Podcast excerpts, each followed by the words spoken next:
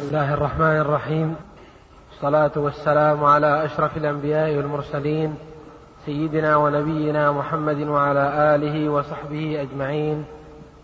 قال المصنف رحمه الله تعالى وكلمات الله وقدرة الله ونعته وصفاته كلامات غير مخلوقات دائمات أزليات وليست بمحدثات فتبيد ولا كان ربنا ناقصا فيزيد جلت صفاته عن شبه صفات المخلوقين وقصرت, عن فط وقصرت عنه فطن الواصفين. قريب بالإجابة عند السؤال بعيد بالتعزز لا ينال. عال على عرشه بائن من خلقه موجود وليس بمعدوم ولا بمفقود. بسم الله الرحمن الرحيم. الحمد لله رب العالمين والعاقبة للمتقين والصلاة والسلام على إمام المرسلين نبينا محمد وعلى آله وأصحابه أجمعين. أما بعد فالمصنف رحمه الله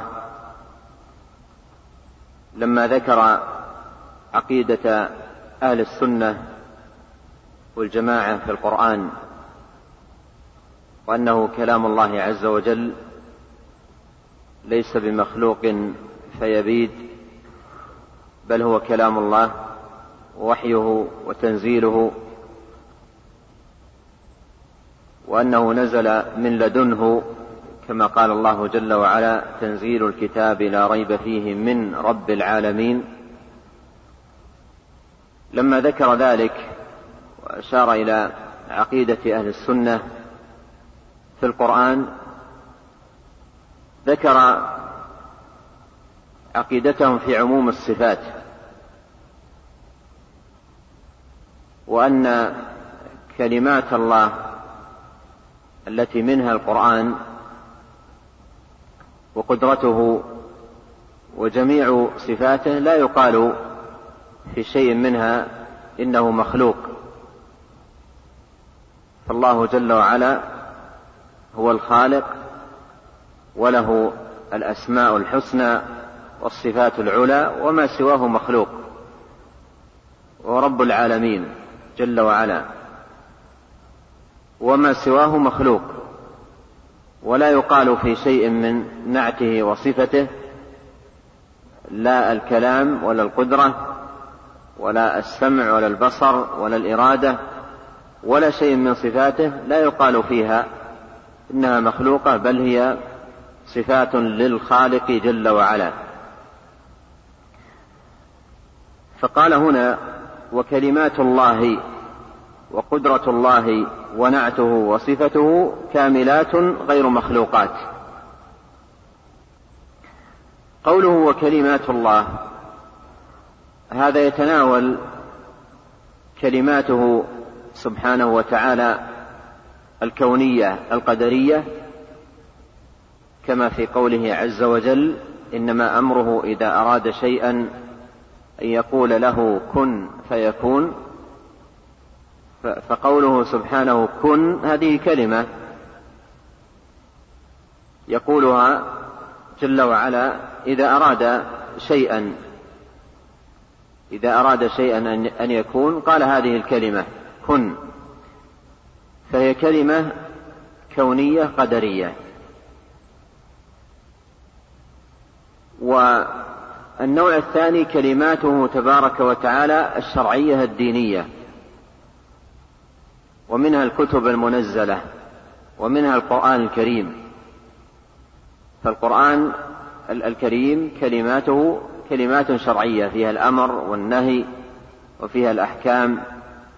فيها بيان الدين فهي كلمات شرعية وتلك كلمات كونية قدرية. وكل من الكلمات الكونية القدرية والكلمات الشرعية الدينية كل منها كاملات كما وصفها المصنف رحمه الله كاملات غير مخلوقات. جاء في الحديث عن النبي صلى الله عليه وسلم أنه قال من نزل منزلا ثم قال أعوذ بكلمات الله التامات كلها من شر ما خلق. هذا شاهد لقول المصنف هنا كلمات الله التامات.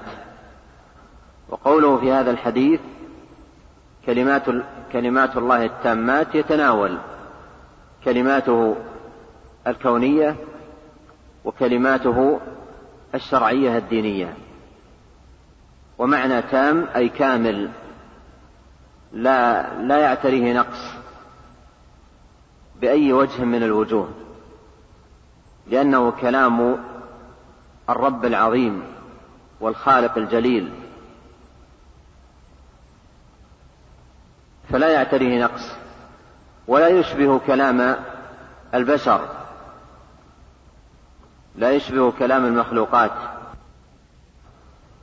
والفرق بين كلامه سبحانه وتعالى التام الكامل وبين كلام غيره كالفرق بين الله والمخلوق. فكلام الله عز وجل تام كامل لا لا يلحقه نقص ولا يلحقه عيب. ومن ومن كماله ما ذكره تبارك وتعالى في قوله لا يأتيه الباطل من بين يديه ولا من خلفه. ومن كماله ما ذكره تبارك وتعالى في قوله كتاب أحكمت آياته. ومن كماله ما ذكره تبارك وتعالى في قوله ولو كان من عند غير الله لوجدوا فيه اختلافا كثيرا. قال وكلمات الله وقدرة الله. قدرة الله صفة من صفاته جل وعلا وهي قدرة شاملة.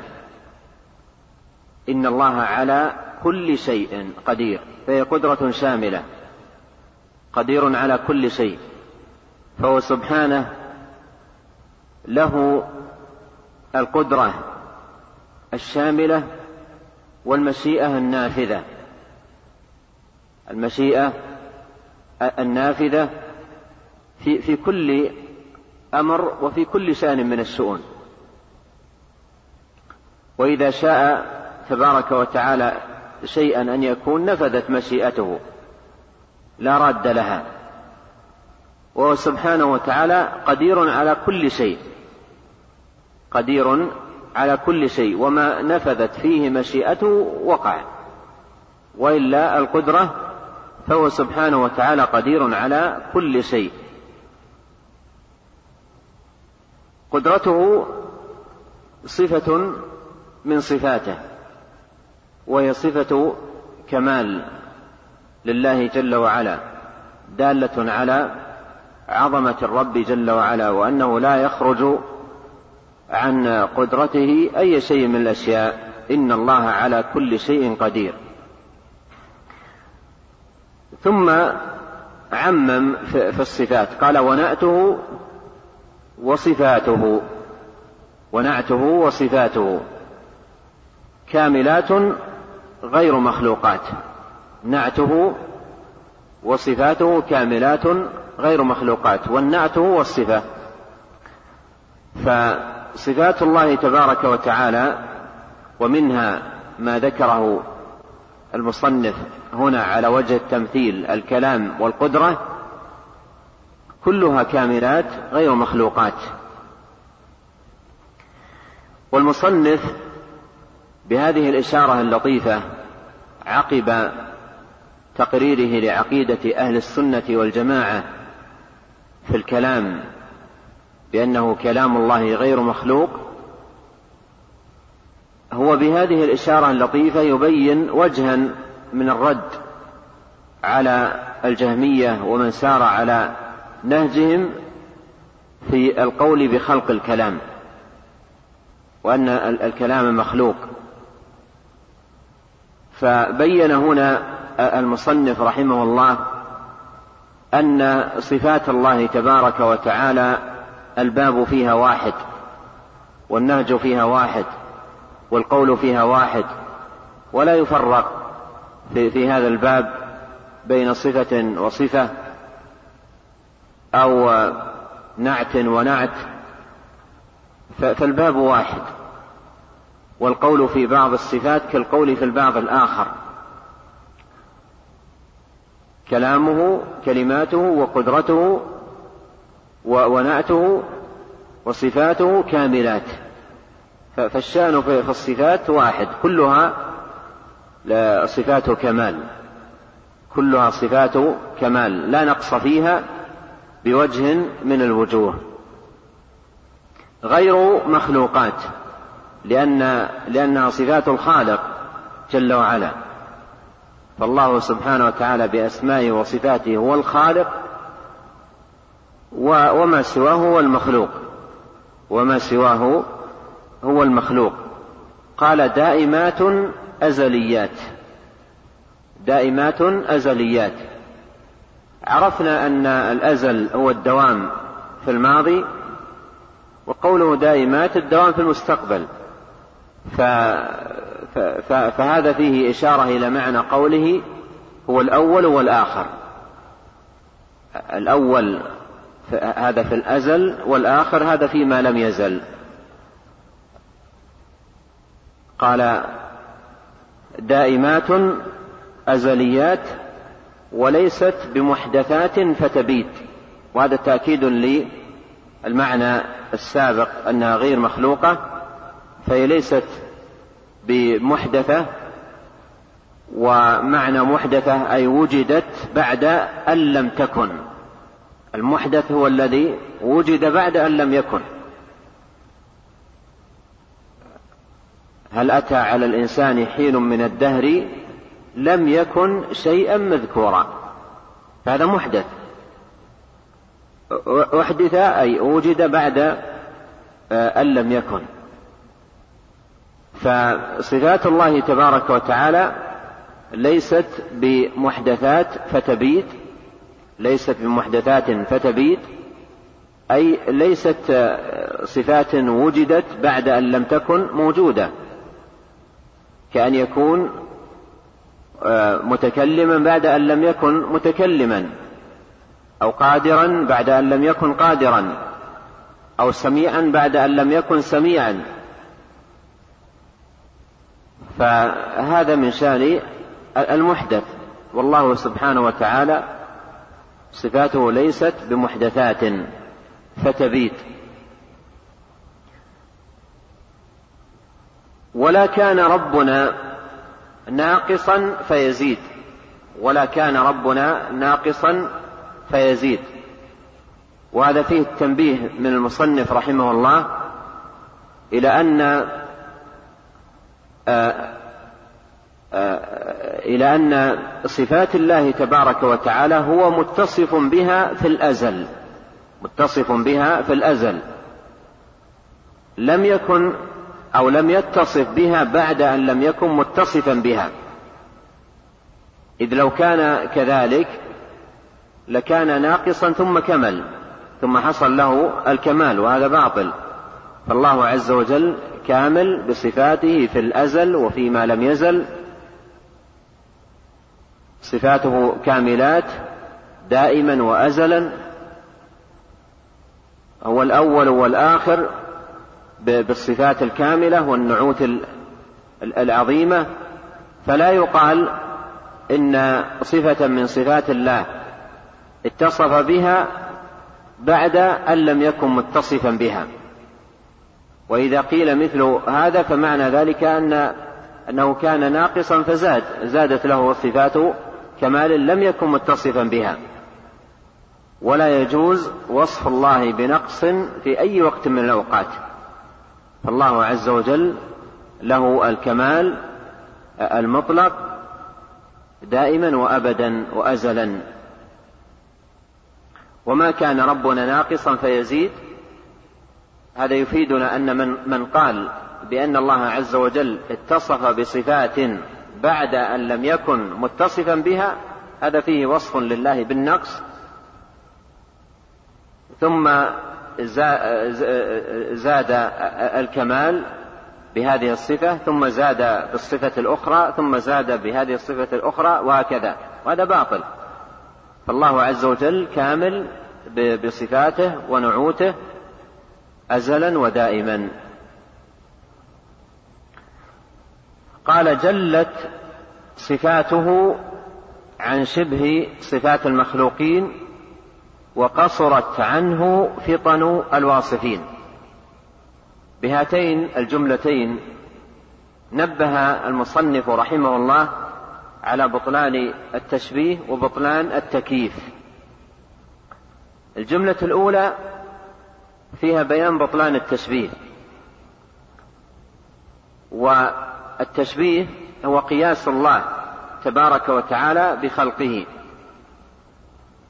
أو هو وصف الله تبارك وتعالى بالصفة على الوجه الذي عليه المخلوق. كما قال الإمام أحمد المشبه الذي يقول يد كيدنا وسمع كسمعنا وبصر كبصرنا. والله تعالى يقول ليس كمثله شيء وهو السميع البصير. فالتشبيه هو وصف الله تبارك وتعالى بالصفة على الوجه الذي في المخلوق. فيقول المشبه يد الله كيدي أو قدرة الله كقدرتي أو سمع الله كسمعي أو نحو ذلك. هذا هو التشبيه. يقول المصنف جلت صفاته عن شبه صفات المخلوقين أي تنزه وتقدس وتعالى تبارك وتعالى أن أن تكون صفاته كصفات المخلوقين فهو منزه عن التشبيه منزه عن المثيل وعن النظير. كما قال الله عز وجل هل تعلم له سميا؟ أي لا سمي له. كما قال الله تعالى ولم يكن له كفوا أحد. وكما قال الله تعالى ليس كمثله شيء وهو السميع البصير. وكما قال الله تعالى فلا تجعلوا لله أندادا وأنتم تعلمون إلى غير ذلك من الآيات.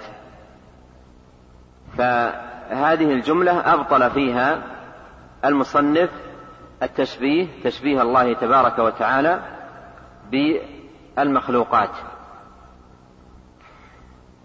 والتشبيه نوعان. تشبيه للخالق بالمخلوق. تشبيه للخالق بالمخلوق. ومثاله ما سبق أن يقول القائل يد الله كأيدينا سمعه كسمعنا بصره كبصرنا. والنوع الثاني تشبيه للمخلوق بالخالق. وذلك بأن يعطى المخلوق من خصائص الخالق. يكون هناك غلو في المخلوق إما نبي أو غيره فيعطى من صفات الخالق. فهذا تشبيه. وتشبيه المخلوق بالخالق يقع في أنواع التوحيد الثلاثة الربوبية والألوهية والأسماء والصفات. قد يشبه بعض الناس المخلوق بالخالق في ربوبيته. قد يشبه بعض الناس المخلوق بالخالق في ألوهيته وقد يشبه بعض الناس المخلوق بالخالق في اسمائه وصفاته وقد جمع أنواع التشبيه الثلاثة للمخلوق بالخالق قول الناظم في غلوه في مدح النبي عليه الصلاة والسلام يا أكرم الخلق ما لي من ألوذ به سواك عند حلول الحادث العمم وإن من جودك الدنيا وضرتها وإن من علومك علم اللوح والقلم. فهذا فيه أنواع التشبيه الثلاثة. تشبيه في الألوهية في قوله ما لي من ألوذ به سواك وفي الربوبية في قوله وإن من جودك الدنيا وضرتها أي من جودك الدنيا والآخرة. وفي الأسماء والصفات في قوله وإن من علومك علم اللوح والقلم. فاجتمعت أنواع التشبيه الثلاثة وحقه في هذا البيت أن يقال يا خالق الخلق ما لي من ألوذ به سواك عند حلول الحادث العمم وإن من جودك الدنيا وضرتها وإن من علومك علم اللوح والقلم وإن من علومك علم اللوح والقلم. ثم آه كل من هذين التشبيهين باطل سواء تشبيه المخلوق بالخالق أو تشبيه الخالق بالمخلوق كل من ذلك باطل وضلال. والله تبارك وتعالى آه، متنزه عن التشبيه. جلت صفاته عن شبه صفات المخلوقين في هذا إبطال التشبيه. قال وقصرت عنه فطن الواصفين. فطن الواصفين أي عقولهم وأفهامهم. ومعنى قصرت عنه يعني عن بلو معرفة كنه صفاته سبحانه وتعالى أي هي أحقر من أن تبلغ ذلك.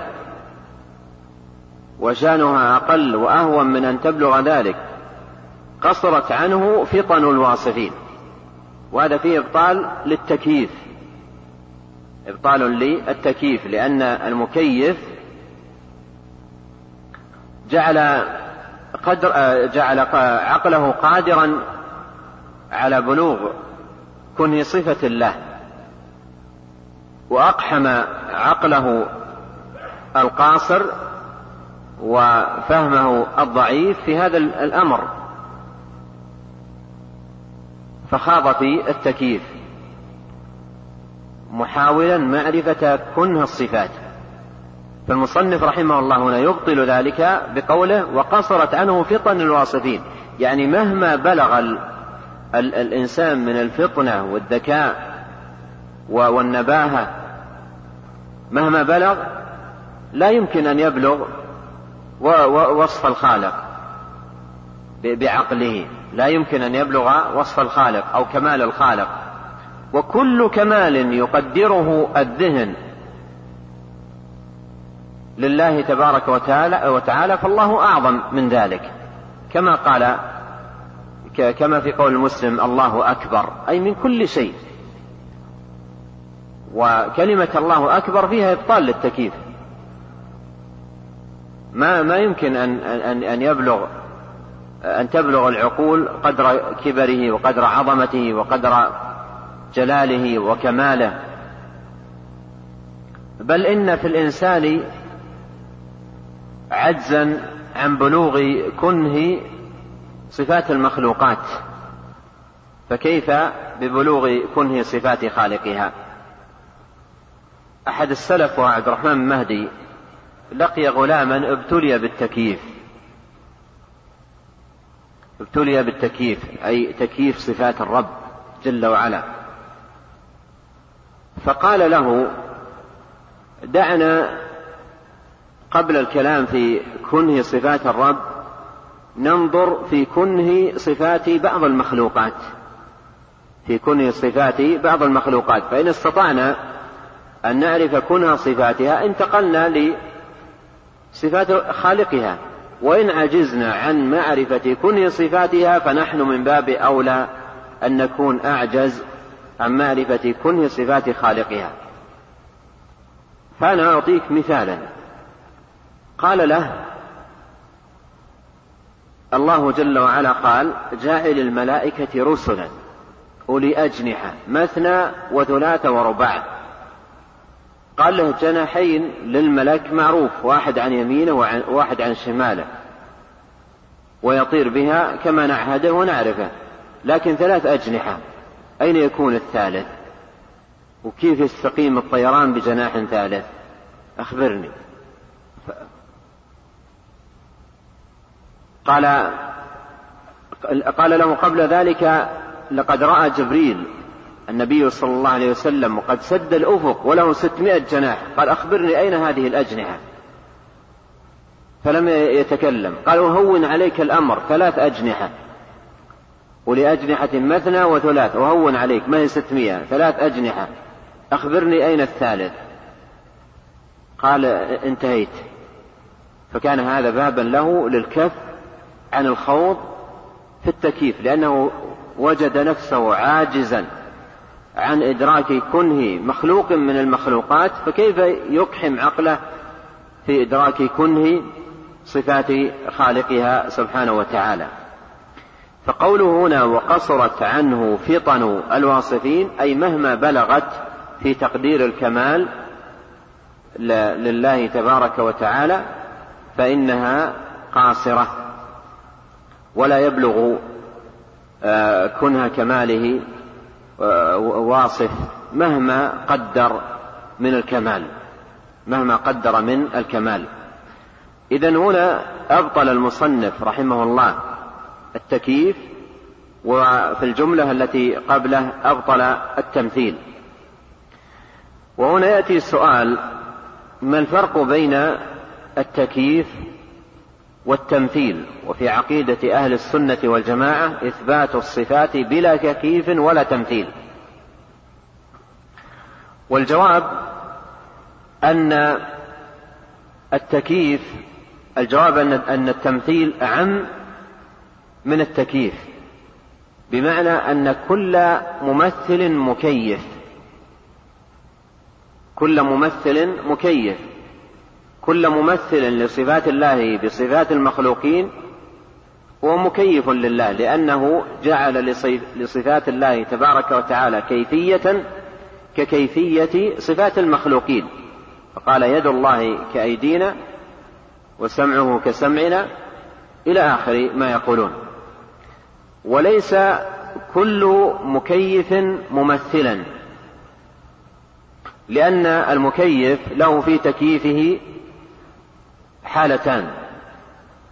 حالة يكيف الصفة على وفق صفة المخلوق وهذا تمثيل.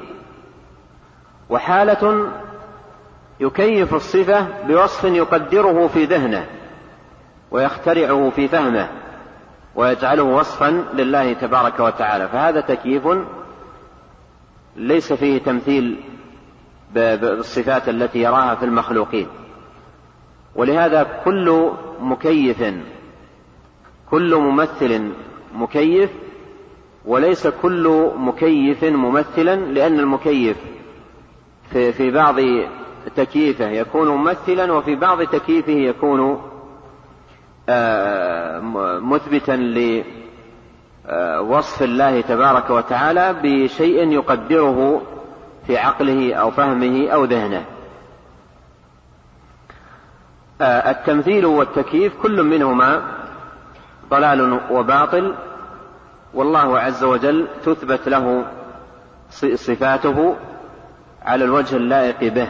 ومن عقيدة أهل السنة كما ذكرت إثبات الصفات بلا تمثيل ولا تكييف.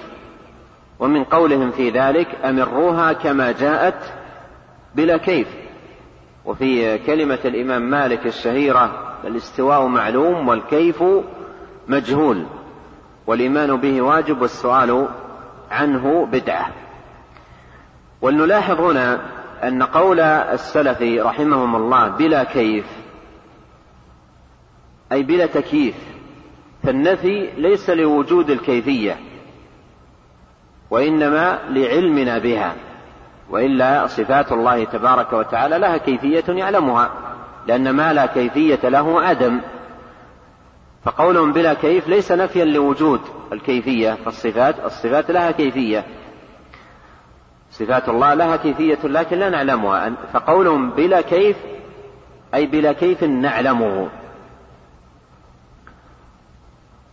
ولهذا الإمام مالك قال الكيف مجهول ولم يقل الكيف معدوم. قال الكيف مجهول يعني نجهله لا نعلمه. وإلا هو موجود لصفات الله تبارك وتعالى كيفية يده لها كيفية سمعه له كيفية بصره له كيفية صفاته كلها لها كيفية يعلمها سبحانه وتعالى ولكنها مجهولة لنا. ولهذا قال الكيف مجهول الكيف مجهول. وقول السلف بلا كيف أي بلا كيف نعلمه. قال قريب بالإجابة عند السؤال. قريب أي الله. بالإجابة أي لعباده عندما يسألونه. كما قال الله جل وعلا وإذا سألك عبادي عني فإني قريب أجيب دعوة الداعي إذا دعان. وقال الله تعالى وقال ربكم ادعوني أستجب لكم. فهو قريب بالإجابة عند السؤال أي عندما يسأله المخلوق ويلتجئ إليه ويطلب منه فهو قريب. وقد سأل الصحابة النبي صلى الله عليه وسلم قالوا أقريب ربنا فنناجيه أم بعيد فنناديه؟ يعني هل هذا المقام يحتاج إلى رفع الصوت للمنادات أم أنه قريب فيكون دعاؤنا مناجاة. فأخبرهم عليه الصلاة والسلام أنه قريب. والله أيضا في القرآن يقول ادعوا ربكم تضرعا وخفية. إنه لا يحب المعتدين. ولا تفسدوا في الأرض بعد إصلاحها وادعوه خوفا وطمعا إن رحمة الله قريب من المحسنين. قال قريب بالإجابة عند السؤال. بعيد بالتعزز لا ينال أي له العزة فلا ينال جنابه سبحانه وتعالى. وهذا في توضيح لقول المصنف فيما سبق في وصف الله تبارك وتعالى قال المنيع. ومعنى أو من معاني المنيع وما يدل عليه هذا الخبر عن الله أي الذي هو بعيد بالتعزز فلا ينال فهو القاهر فوق عباده. وأيضا من معناه ما جاء في الحديث القدسي قول الله سبحانه وتعالى يا عبادي إنكم لن تبلغوا ماذا؟ ضري فتضروني. فهذا كله من, من هذا المعنى بعيد بالتعزز لا ينال. عال على عرشه بائن من خلقه. عال على عرشه بائن من خلقه. أعاد ذكر علو الله تبارك وتعالى على العرش. ولعله أعاد ذلك آه، تأكيدا لهذا المقام العظيم الذي أو لهذا الوصف العظيم الذي تكاثرت آه، الدلائل عليه في كتاب الله وسنة نبيه صلى الله عليه وسلم.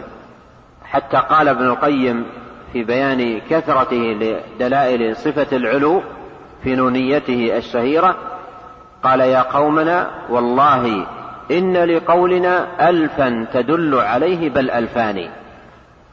أي أن أدلة العلو بالآلاف ليست بالمئات ولا بالعشرات بل هي بالآلاف. يا قومنا والله إن لقولنا ألفا تدل عليه بل ألفان. فالمصنف أعاد الكلام على على هذه الصفة وتقريرها لعله لهذا الأمر وأيضا لكثرة خوض أهل الباطل في تعطيل هذه الصفة وجحدها. ثم إن من يجحد علو الله تبارك وتعالى إن من يجحد علو الله تبارك وتعالى على عرشه وعلوه على خلقه ليس أمامه بعد هذا الجحد إلا عقيدتين. الأولى القول بأن الله سبحانه لا داخل العالم ولا خارجه ولا متصلا به ولا منفصلا عنه ولا محايثا له ولا مباينا له إلى آخر ما يقوله المعطلة. وهذا وصف لله تبارك وتعالى بالعدم بل إن هذه الصفة هي أبلغ صفات العدم. ولو قيل لأحدنا صف العدم بصفة بليغة لم يجد أحسن من هذه الصفة التي وصف بها الجهمية ربهم. لو قيل لأحدنا ما العدم؟ فقال العدم الذي ليس فوق ولا تحت ولا عن يمين العالم ولا عن شماله ولا داخله ولا خارجه ولا متصلا به ولا منفصلا عنه قيل له لا فض فوك. هذه أبلغ صفة للعدم.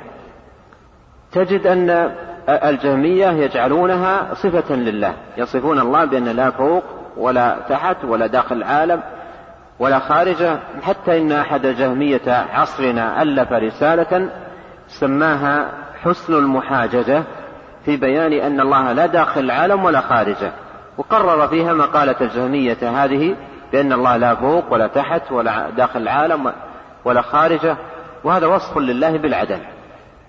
ولهذا قال السلف رحمهم الله عن هؤلاء والمعطل يعبد عدما.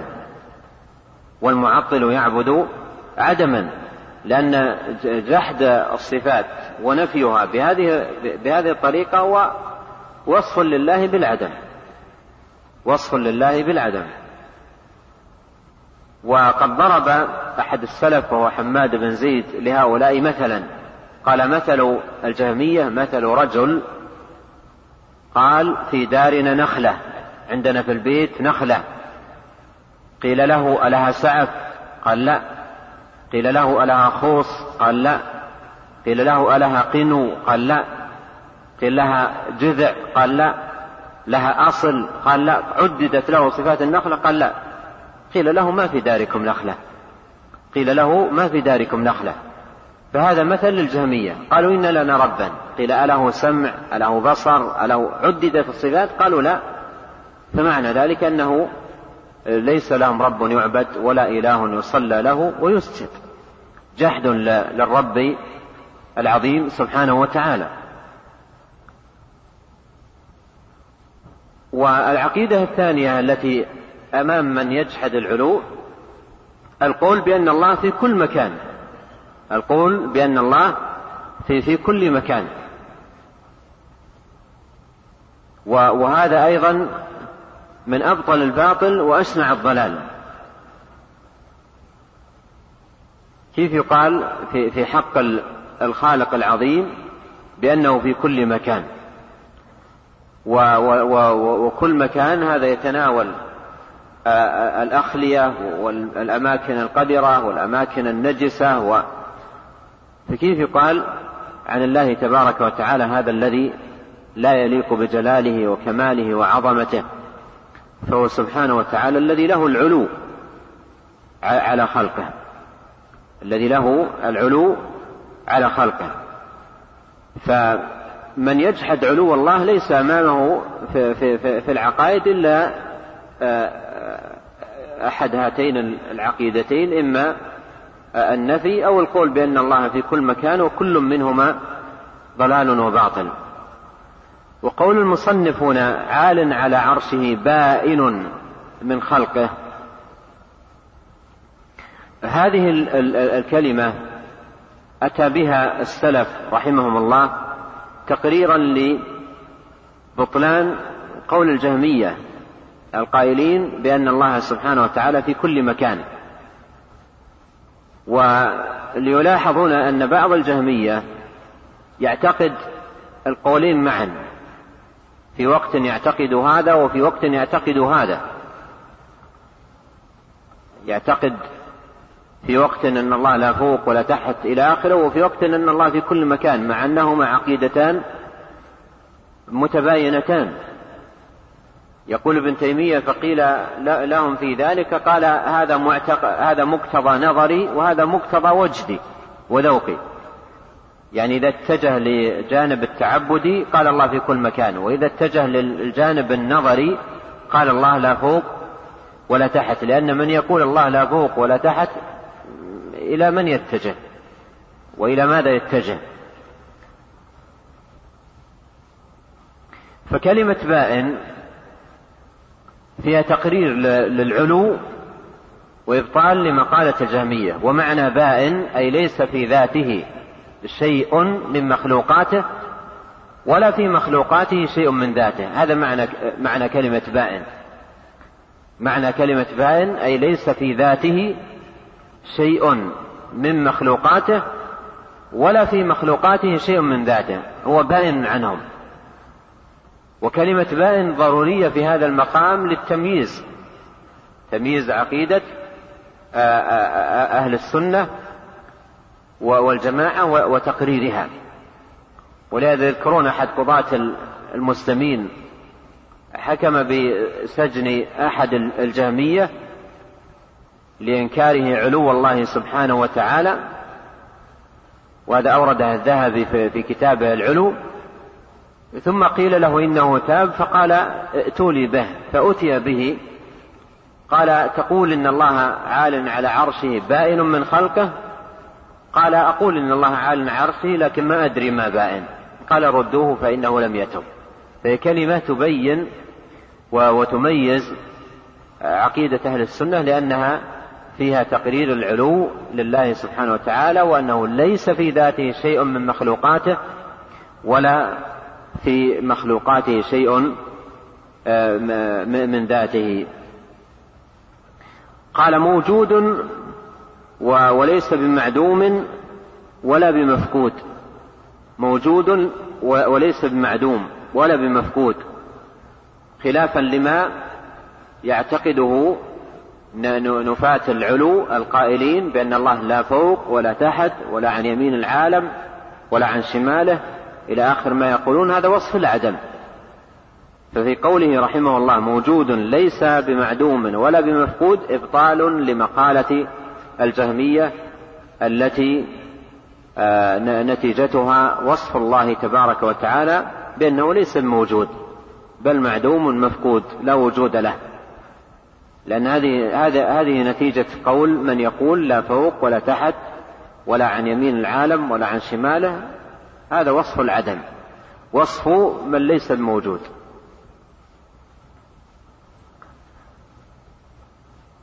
انتهى هنا كلام المصنف على ما يتعلق بصفات الله تبارك وتعالى ثم شرع في الكلام على أصل آخر من أصول الإيمان وهو الإيمان باليوم الآخر. نعم.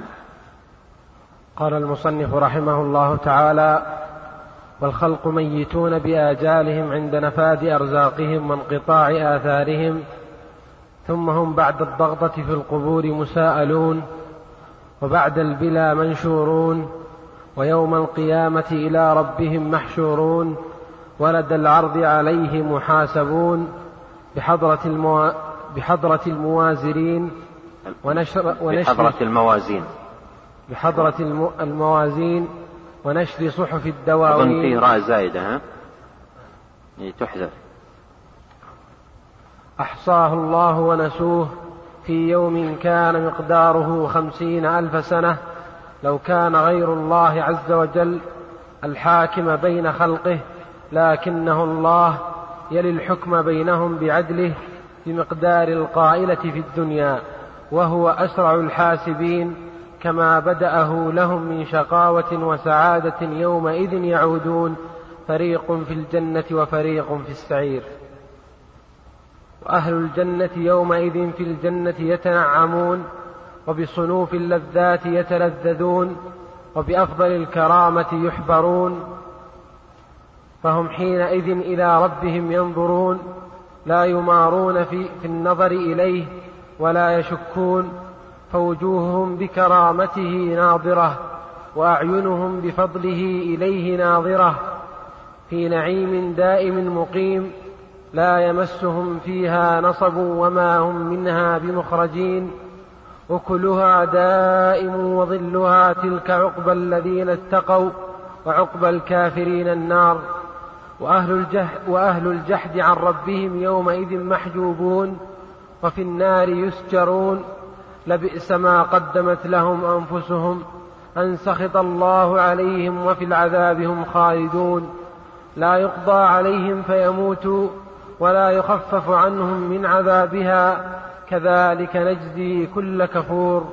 الآية خلا من شاء الله من الموحدين. خلا من شاء الله من الموحدين إخراجهم منها. آه، هنا بدأ المصنف رحمه الله بالكلام على الإيمان باليوم الآخر. والإيمان باليوم الآخر هو أحد أركان الإيمان الستة. قال الله تعالى ليس البر أن تولوا وجوهكم قبل المشرق والمغرب ولكن البر من آمن بالله واليوم الآخر والملائكة والكتاب والنبيين. قال تعالى وبالآخرة هم يوقنون. وقال جل وعلا ومن يكفر بالله وملائكته وكتبه ورسله واليوم الآخر فقد ضل ضلالا بعيدا.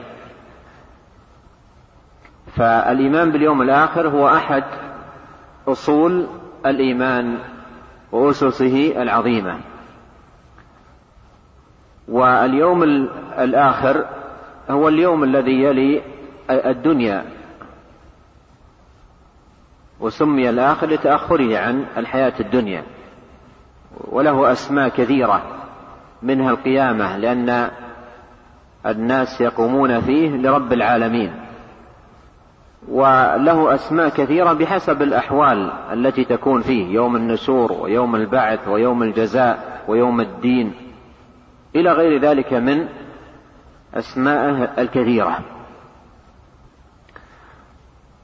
والإيمان باليوم الآخر هو الإيمان بكل ما يكون بعد الموت.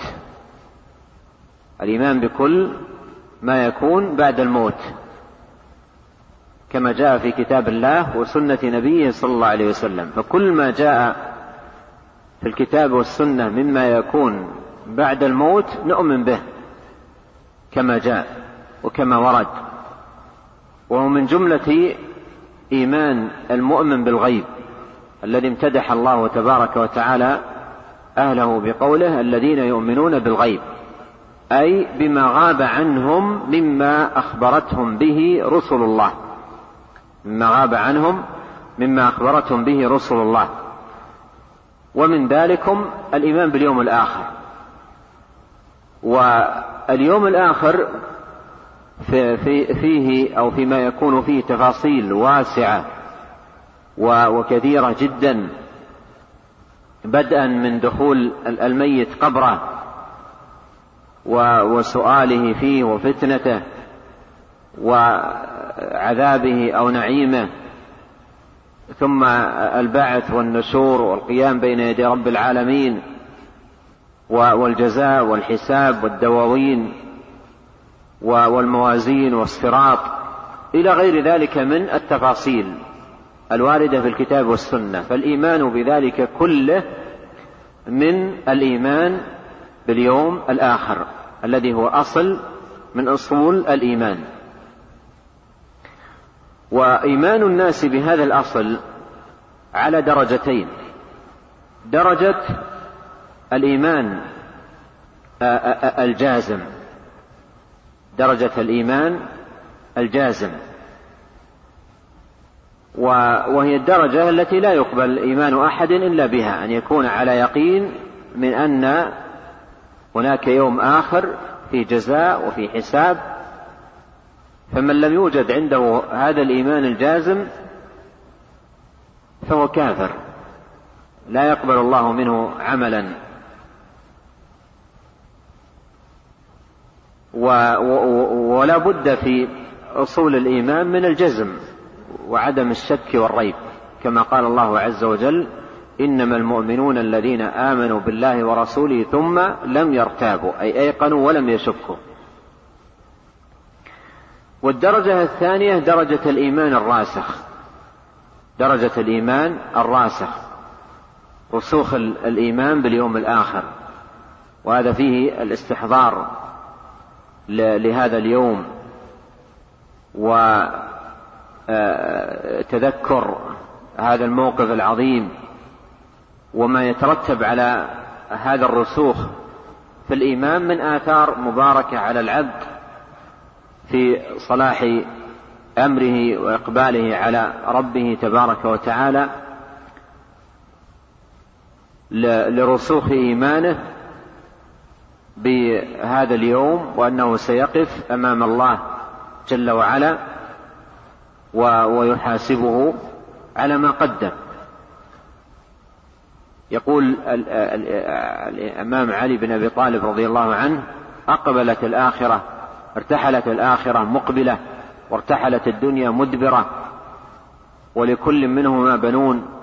فكونوا من أبناء الآخرة ولا تكونوا من أبناء الدنيا فإن اليوم عمل ولا حساب وغدا حساب ولا عمل. هذا دعوة للرسوخ في الإيمان باليوم الآخر واستحضار إقبال الآخرة ومجيئها وقدومها على الإنسان واستحضار ارتحال الدنيا وزوالها وفنائها وانقضاء آه، متعها. فهذه دعوة لرسوخ الإيمان الذي يكون به صلاح العمل واستقامة العبد.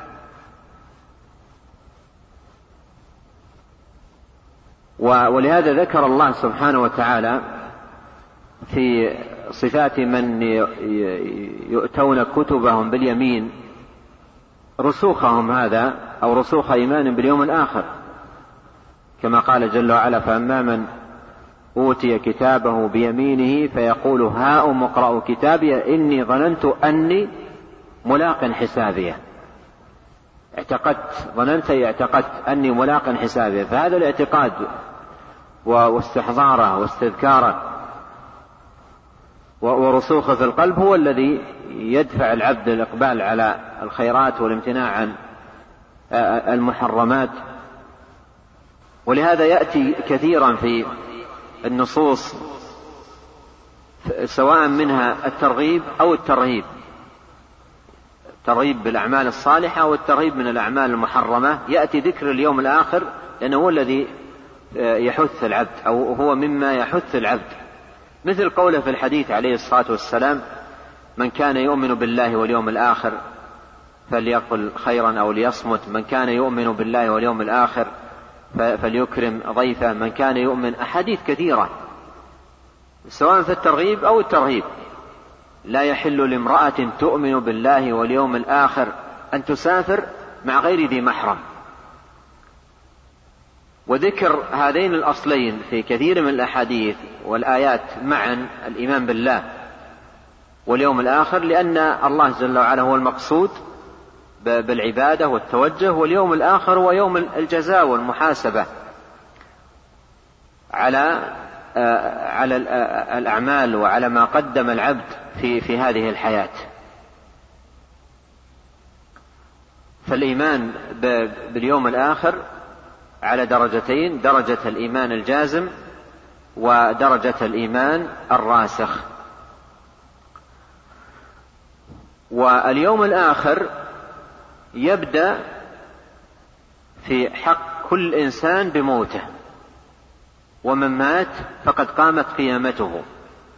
يبدأ بموت الإنسان. تبدأ مراحل اليوم الآخر بموته.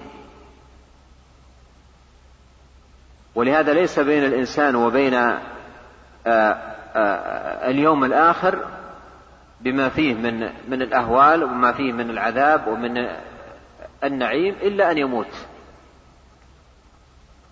وتأملوا هذا في أحاديث كثيرة جدا. أحاديث كثيرة جدا تدل على هذا المعنى على قرب الجنة من من العبد وكذلك قرب النار وأنه ليس بينه وبينها إلا أن يموت. مثل حديث آه، فضل آية قراءة آية الكرسي أدبار الصلوات المكتوبة قال عليه الصلاة والسلام آه، من قرأها دبر كل صلاة لم يكن بينه وبين الجنة إلا أن يموت. هذا دليل على قرب الجنة. آه، وكذلك قول من مات وهو يدعو من دون الله ندا دخل النار. من مات وهو يدعو من دون الله ندا دخل النار. فالنار قريبة والجنة قريبة. ليس بين الإنسان وبينها إلا أن يموت. وكذلك في الحديث قال إن أحدكم ليعمل بعمل أهل الجنة حتى ما يكون بينه وبينها إلا ذراع.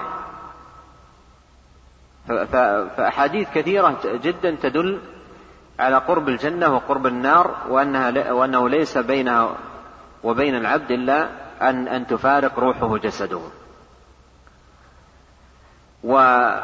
والمصنف رحمه الله بدأ الكلام على اليوم الآخر بالموت الذي هو أول مراحل الإيمان باليوم الآخر وأن من مات قامت قيامته. فبدأ ذلك بذكر الموت. قال والخلق ميتون بآجالهم. عند نفاد أرزاقهم وانقطاع آثارهم. موت الإنسان أمر مغيب وله أجل محدد ولكل أجل كتاب. وإذا جاء أجل الإنسان لم يستأخر عنه ساعة ولم يستقدم. فكل ميت بأجله. حتى من مات مقتولا هو مات بأجله. مات بأجله. على خلاف قول المعتزلة الضلال في هذا الباب يقول لم يمت بأجله ولو, ولو تركه القاتل لعاش. وهذا تقدير فاسد وتقرير باطل بل يقال هذا هو أجله. كتب الله تبارك وتعالى أجله بأن يموت مقتولا. فكيف يقال أن أن أجله لم يأتي؟ و و و ولو خلى آه، بينه ولم يقتله لعاش. هذا كلام من أفسد ما يكون وأبطل من أبطل ما يكون. بل يقال هذا أجله. والله عز وجل جعل أجله بالموت. بالموت مقتولا. ومن جاء أجله لم يتأخر عنه ساعة ولم يستقدم. كما قال الله عز وجل لكل أجل كتاب. كما قال فإذا جاء أجلهم فلا يستقدمون ساعة ولا يستأخرون.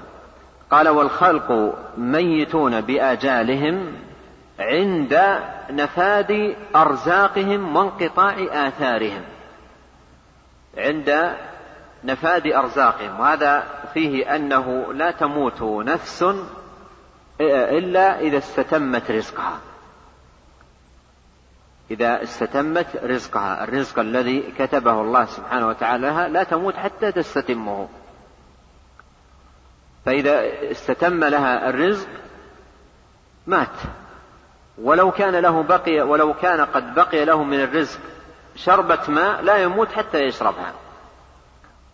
لا يموت حتى يشربها. لأنها كتبت له. ومما سمعت من القصص في هذا أن رجلا كان واقفا على حافة بير عميق فزلقت رجله فسقط في عمق البير. ولكن كتب الله له أن يسقط في, في, في, في الماء وسلم.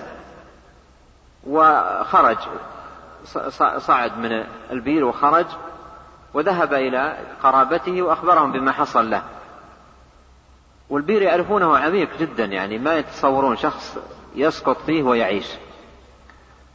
فجلس معهم وأخبرهم ما صدقوا. كان عندهم لبن فأعطوه وشرب من اللبن. ثم ذهبوا معه يعني ينظرون يعاينون الأمر كيف حصل. يعاينون كيف حصل. فذهب معهم إلى البئر وقال أنا كنت واقف هنا وضعت قدمي هكذا وسقط ومات. فيقولون بقيت له هذه الشربة من الماء بقيت له هذه الشربة من الماء أو من اللبن ثم ذهب إلى أجله.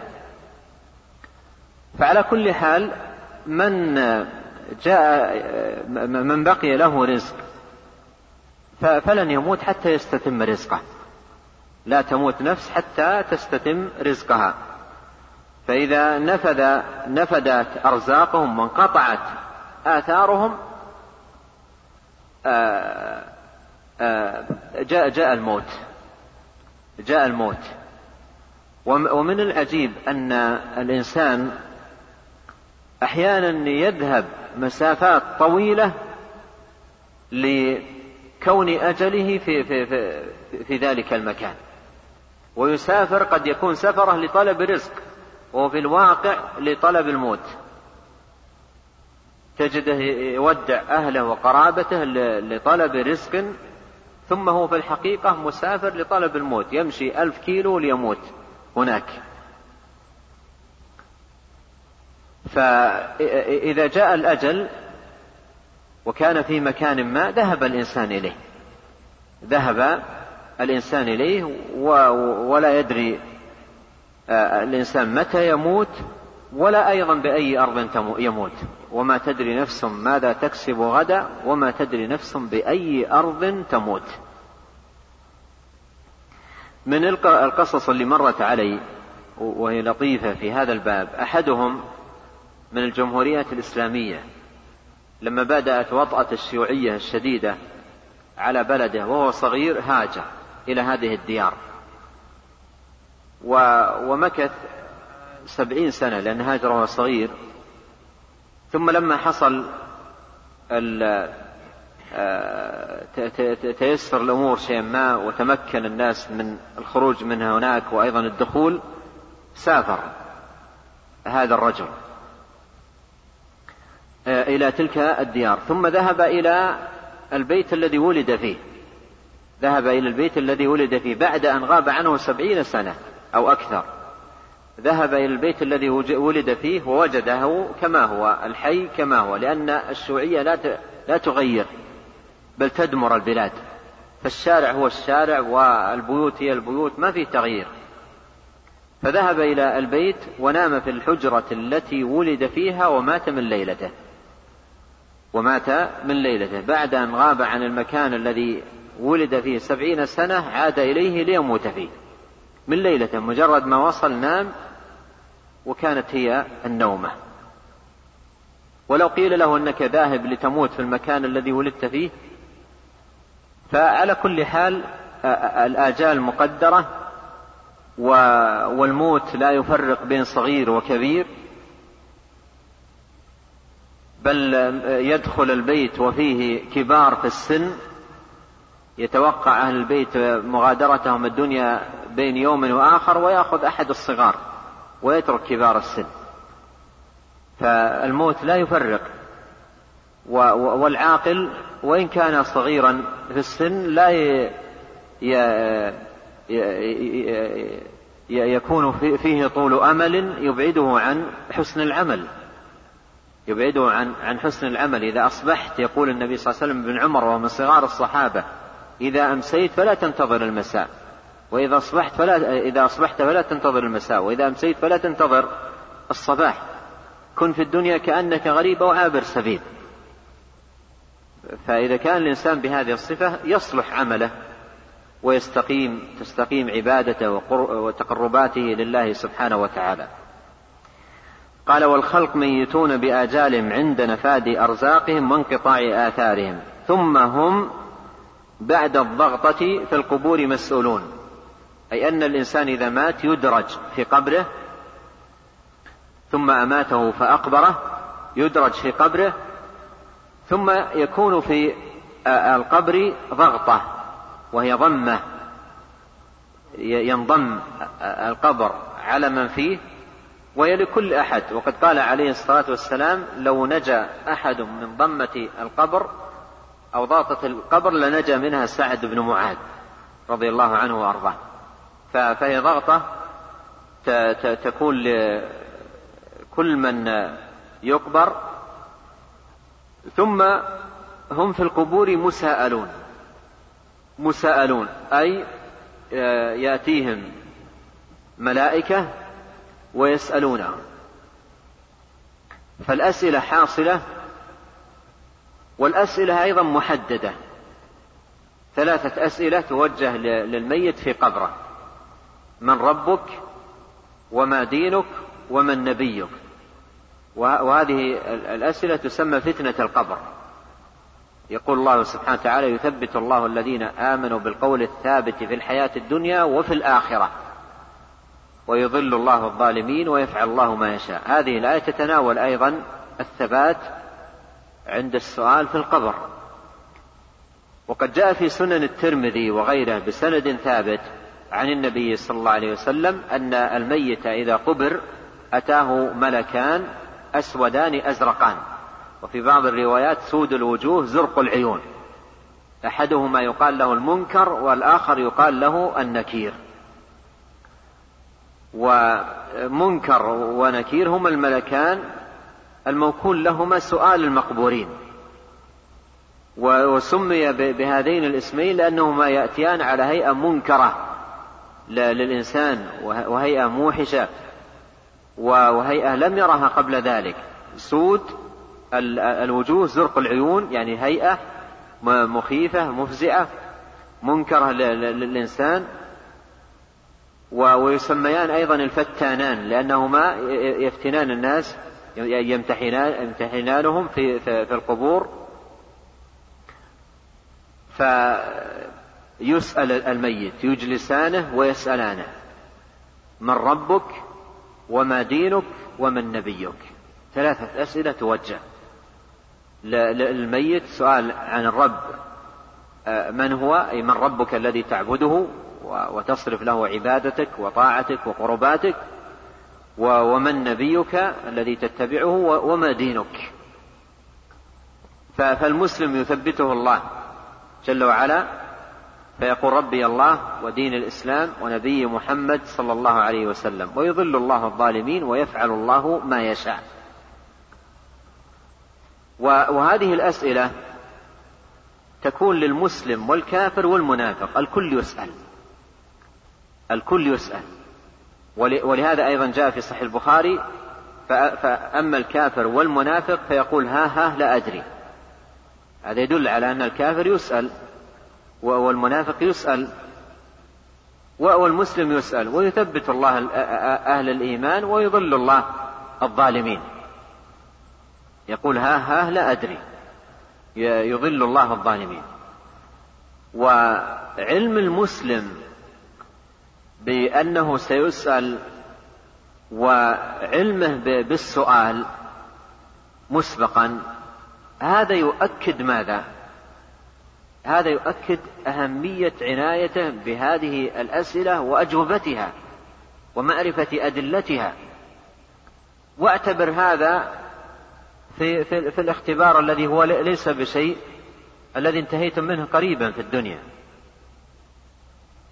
علمك بأنك ستختبر في المادة الفلانية وستسأل. هناك نجاح ورسوب هناك درجات عالية ودرجات منخفضة. يجعلك تقبل على ضبط آه هذه الأسئلة. الاختبار يوم السبت. وكل ما قرب الاختبار كل ما قرب ماذا؟ كل ما اشتدت المذاكرة. وما يدريك قد قد تكون سؤالاتك الثلاثة الموجهة إليك من الملك بعد يوم. مغيب أمره. مغيب أمره. ما تدري متى تموت. فقد تسأل عن هذه الأسئلة غدا أو بعد غد أو بعد أسبوع. فليس له وقت محدد. بل يأتيك بغتة. ويأتيك فجأة. ولهذا من الخير للإنسان أن يكون دائما مستذكرا ومستحضرا ومعتنيا بهذه الأصول الثلاثة معرفة الرب ومعرفة النبي عليه الصلاة والسلام ومعرفة الإسلام بالأدلة. ومن نعم الله العظيمة الكبيرة على شيخ الإسلام محمد بن عبد الوهاب رحمه الله أن ألف رسالة صغيرة الحجم كبيرة النفع في هذه الأصول الثلاثة. ولا نعلم في في من سبق من أهل العلم من خص هذه الأسئلة بالتأليف وأفردها بالتصنيف.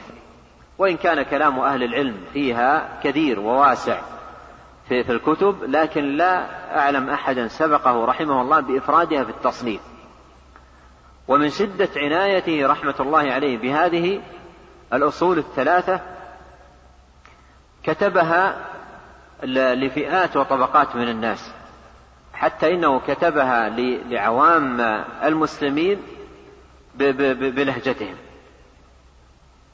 وهي موجودة في الدرر السنية إذا قيل لك وش ربك واو شين وش ربك قل ربي الله.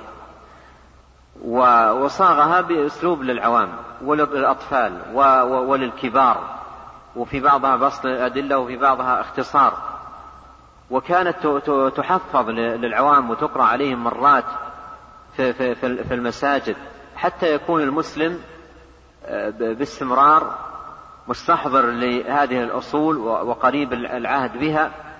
فهذا من عظيم نعمة الله. على هذا الإمام وقد كتب الله عز وجل لكتابه هذا نفع عظيم وانتشار واسع وترجم إلى لغات كثيرة ونفع الله به خلق كثير. وأنصح أنا من يسمعني من من الإخوة أن يعتنوا بهذا الكتاب وإيصاله إلى بلادهم بلغاتهم إذا كان لم يصلهم. فهذه أمانة في عنقك. عرفت الخير إلزمه وبينه للآخرين. أحوج ما يحتاجه الناس أحوج ما تحتاج أمك وأبوك وأخوك وقريبك وجارك وعشيرتك أن يعرفوا بهذه الأصول الثلاثة. فتعتني بهذا الكتاب وتعتني بترجمته وتعليمه وإيصاله للناس. قد تعلم شخصا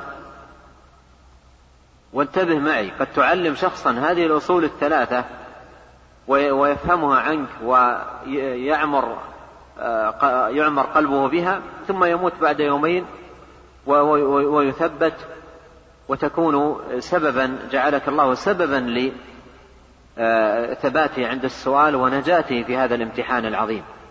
وهذا خير كبير وفضل عظيم لا ينبغي للمسلم أن يفوته على نفسه.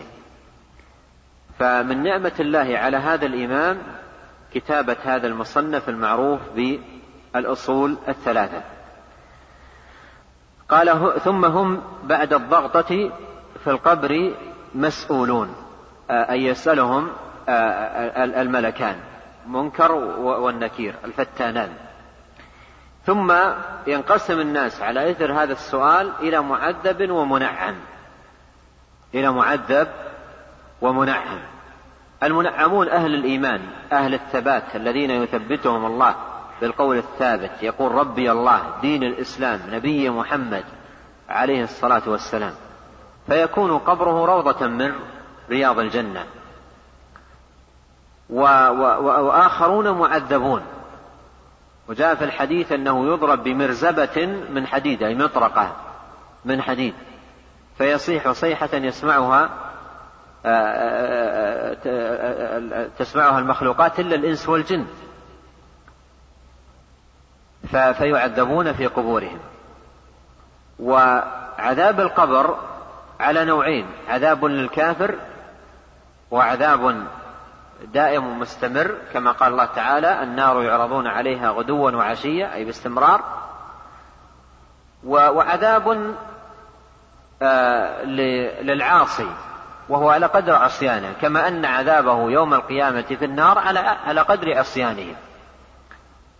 وقد يعذب الإنسان في قبره على معاصيه مثل ما قال عليه الصلاة والسلام لما مر بالقبرين إنهما ليعذبان وما يعذبان في كبير.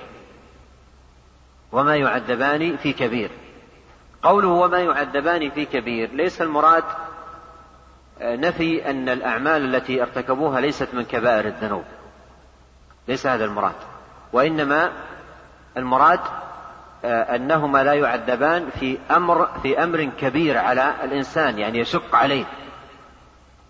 لا يعد... إنهما لا يعذبان وما يعذبان في كبير. يعني ليس أمرا كبيرا أو أمرا وإنما أمر سهل.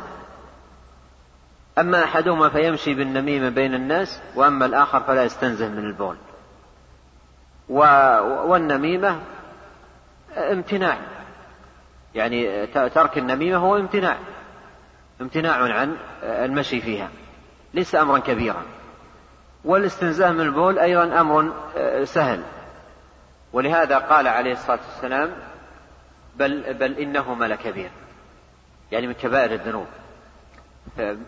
فمعنى قولا ليس بكبير وقول إن كبير إنه كبير أثبت أنه كبير ونفى أنه كبير. في حديث واحد يعني وصف نفى أنه كبير وأثبت أنه كبير. وعند أهل العلم قاعدة في مثل هذا آه، إذا أثبت الشيء ونفي سواء في نص واحد أو في نصوص فالمثبت غير المنفي. المعنى المثبت غير المعنى المنفي. يعني تجد في بعض النصوص لا يكلمهم الله. في نص آخر قال اخسأوا فيها وهذا كلام. فالمثبت من الكلام غير المنفي. هذه قاعدة ذكرها العلم أن إذا أثبت الشيء ونفي فالمثبت غير المنفي. فهنا أثبت أنه كبير ونفى أنه كبير. فالمثبت غير المنفي. الكبر المثبت غير الكبر المنفي. الكبر المنفي يعني كبر على النفوس لأنه يشق عليها ويصعب عليها ويكهلها. هذا منفي. وقول إنه كبير أي هو من كبائر الذنوب من الأمور الكبيرة ومن المهلكات. ولهذا هلك من كان كذلك قال إنهما لا يعذبان. فإذا العذاب في القبر يكون على المعاصي والكبائر ويكون على الكفر والعذاب على الكفر مستمر والعذاب على الكبائر بقدرها كما أنه يوم القيامة العذاب على الكبائر بقدرها. قال وبعد البلا منشورون. وبعد البلا أي بعد أن تبلى آه، أجسامهم آه، منشورون. قبل هذا فيما يتعلق بالسؤال في, في, في القبر آه، ثم بعد الضغطة في القبور مسؤولون. ثم أيضا ما يكون فيه من عذاب أو نعيم. هذا يشمل من قبر ومن احترق وذر رماده في البحر ومن أكلته السباع ومن أكلته الأسماك ومن تقطع وتلاشى في الأرض. فكل هؤلاء يشملهم. السؤال ويشملهم النعيم والعذاب. والنعيم والعذاب يصل إلى أرواحهم وإلى أجسامهم. ونحن نقول إن الله على كل شيء قدير. إن الله على كل شيء قدير. قال وبعد البلاء منشورون. بعد البلاء أي بعد أن تبلى آه، أجسامهم والأجسام تبلى في القبر. فبعد البلاء منشورون أي ينشرون ثم ماته فأقبره ثم إذا شاء أنشره. فالنشر هو القيام. من القبور تشق القبور ويقوم الناس منها لرب العالمين. ويوم القيامة إلى ربهم محشورون أي يحشرون آه، على صعيد وعرصات يوم القيامة ويقفون على أرض. جاء وصفها في السنة أنها أرض آه، مستوية لا ارتفاع فيها ولا انخفاض. ف وأيضا جاء في السنة أن أن أن على هذه الأرض تدنو الشمس من الخلائق وأنهم يتفاوتون في العرق ويظل الله تبارك وتعالى في ظله يوم لا ظل آه، إلا ظله. قال ويوم القيامة إلى ربهم محشورون ولد العرض عليه محاسبون ولد العرض عليه محاسبون. أما محاسبة المؤمن على أعماله فهي فهي العرض يعني أن أن تعرض أن يعرض الله عليه أعماله وذنوبه التي سترها عليه في الدنيا ويغفرها له في الآخرة. وجاء في الحديث أن أنه يأتي بعبد المؤمن ويضع عليه كنفة أي سترة. ويقول فعلت يوم كذا كذا وكذا فيذكر له ذنوبه ويقر بها فيقول سترتها عليك في الدنيا وأنا أغفرها لك اليوم. فالمحاسبة هي العرض. المراد بالمحاسبة العرض. و و وأما مناقشة المناقشة فقد جاء في الحديث من نوقش الحساب عذب إذا كانت المحاسبة هي مناقشة على فهذا يعذب. أما المؤمن فتكون محاسبته عرضا لما كان منه فعلت كذا فيقر ويقول سترتها عليك في الدنيا وأنا أغفرها لك اليوم. قال بحضرة الموازين بحضرة الموازين. وعندكم راء زائدة بحضرة الموازين. وهذه موازين تنصب وتوضع يوم القيامة وهي موازين حقيقية الميزان له كفتين. كفة توضع فيها الحسنات وكفة توضع فيها السيئات. وقد ورد ما يدل على أن الأعمال توزن والصحف توزن والأشخاص يوزنون. وكل ذلك دل عليه دلائله في في الكتاب والسنة. فالموازين توضع يوم القيامة وتنصب وهي بمثاقيل الدر كما قال الله جل وعلا فمن يعمل مثقال ذرة خيرا يره ومن يعمل مثقال ذرة شرا يره. ونشر صحف الدواوين يعني دواوين الأعمال. ودواوين الأعمال ينقسم الناس في في في أخذها إلى قسمين، قسم يأخذها بيمينه وهو المؤمن، وقسم يأخذها بشماله. وهذه الدواوين فيها كل ما قام به الإنسان في هذه الحياة الدنيا. مما يذكره ومما نسيه أحصاه الله فنسوه. في كتاب لا يغادر صغيرة ولا كبيرة إلا أحصاها ووجدوا ما عملوا حاضرا ولا يظلم ربك أحدا كل ما عمله الإنسان من أول حياته إلى موته بكل تفاصيله يجده مكتوبا في في في في دواوينه يوم القيامة. وقسم يؤتى كتابه بيمينه وقسم يؤتى يؤتى كتابه بشماله من وراء ظهره. ونشر صحف الدواوين أحصاه الله ونسوه. أحصاه الله ونسوه. والإنسان قد يقارف ذنوبا في الحياة وينساها لكنها محصاة عليه. ومكتوبة في ديوانه ويجدها يوم القيامة حاضرة يحاسب عليها. قال في يوم كان مقداره خمسين ألف سنة. في يوم كان مقداره خمسين ألف سنة. يوم كان مقداره خمسين ألف سنة أي يوم القيامة. كما جاء تفسير تفسير الآية بذلك عن غير واحد من السلف منهم ابن عباس رضي الله عنهما ومجاهد وغيرهما. قول الله عز وجل تعرج الملائكة والروح إليه في يوم كان مقداره خمسين ألف سنة. هذا يوم القيامة يوم القيامة. عندما يقوم الناس لرب العالمين يقفون موقفا طوله خمسين ألف سنة طول هذا الموقف خمسين ألف سنة وأيام الدنيا بما يجدها يجدها فيها يجد فيها الإنسان من متع أو لذات هي قصيرة جدا عندما نقارنها بماذا؟ بهذا اليوم.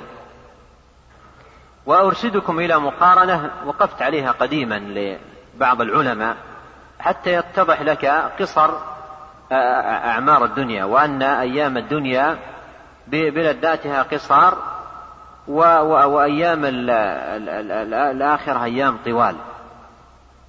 الآن عمر الإنسان في في حياته. قال عليه الصلاة والسلام أعمار أمتي ما بين آه، الستين والسبعين. لنفرض أن عمر إنسان سبعين سنة. سبعين سنة كم سنة في في هذه السبعين كان نائما مرفوعا عنها القلم الآن تأتيكم إحصائيات عجيبة نحن في غفلة عنها. إذا كان عمرك آه، إذا كان عمرك ثلاثين سنة كم سنة نائم؟ إذا كنت تنام في كل يوم وليلة ثمان ساعات كم سنة نائم؟ عشر سنوات. إذا كان عمرك ستين سنة فأنت نائم عشرين سنة. إذا كنت تنام كل يوم ثمان ساعات فمعنى ذلك إذا كان عمرك ستين سنة أي أنك نمت عشرين سنة.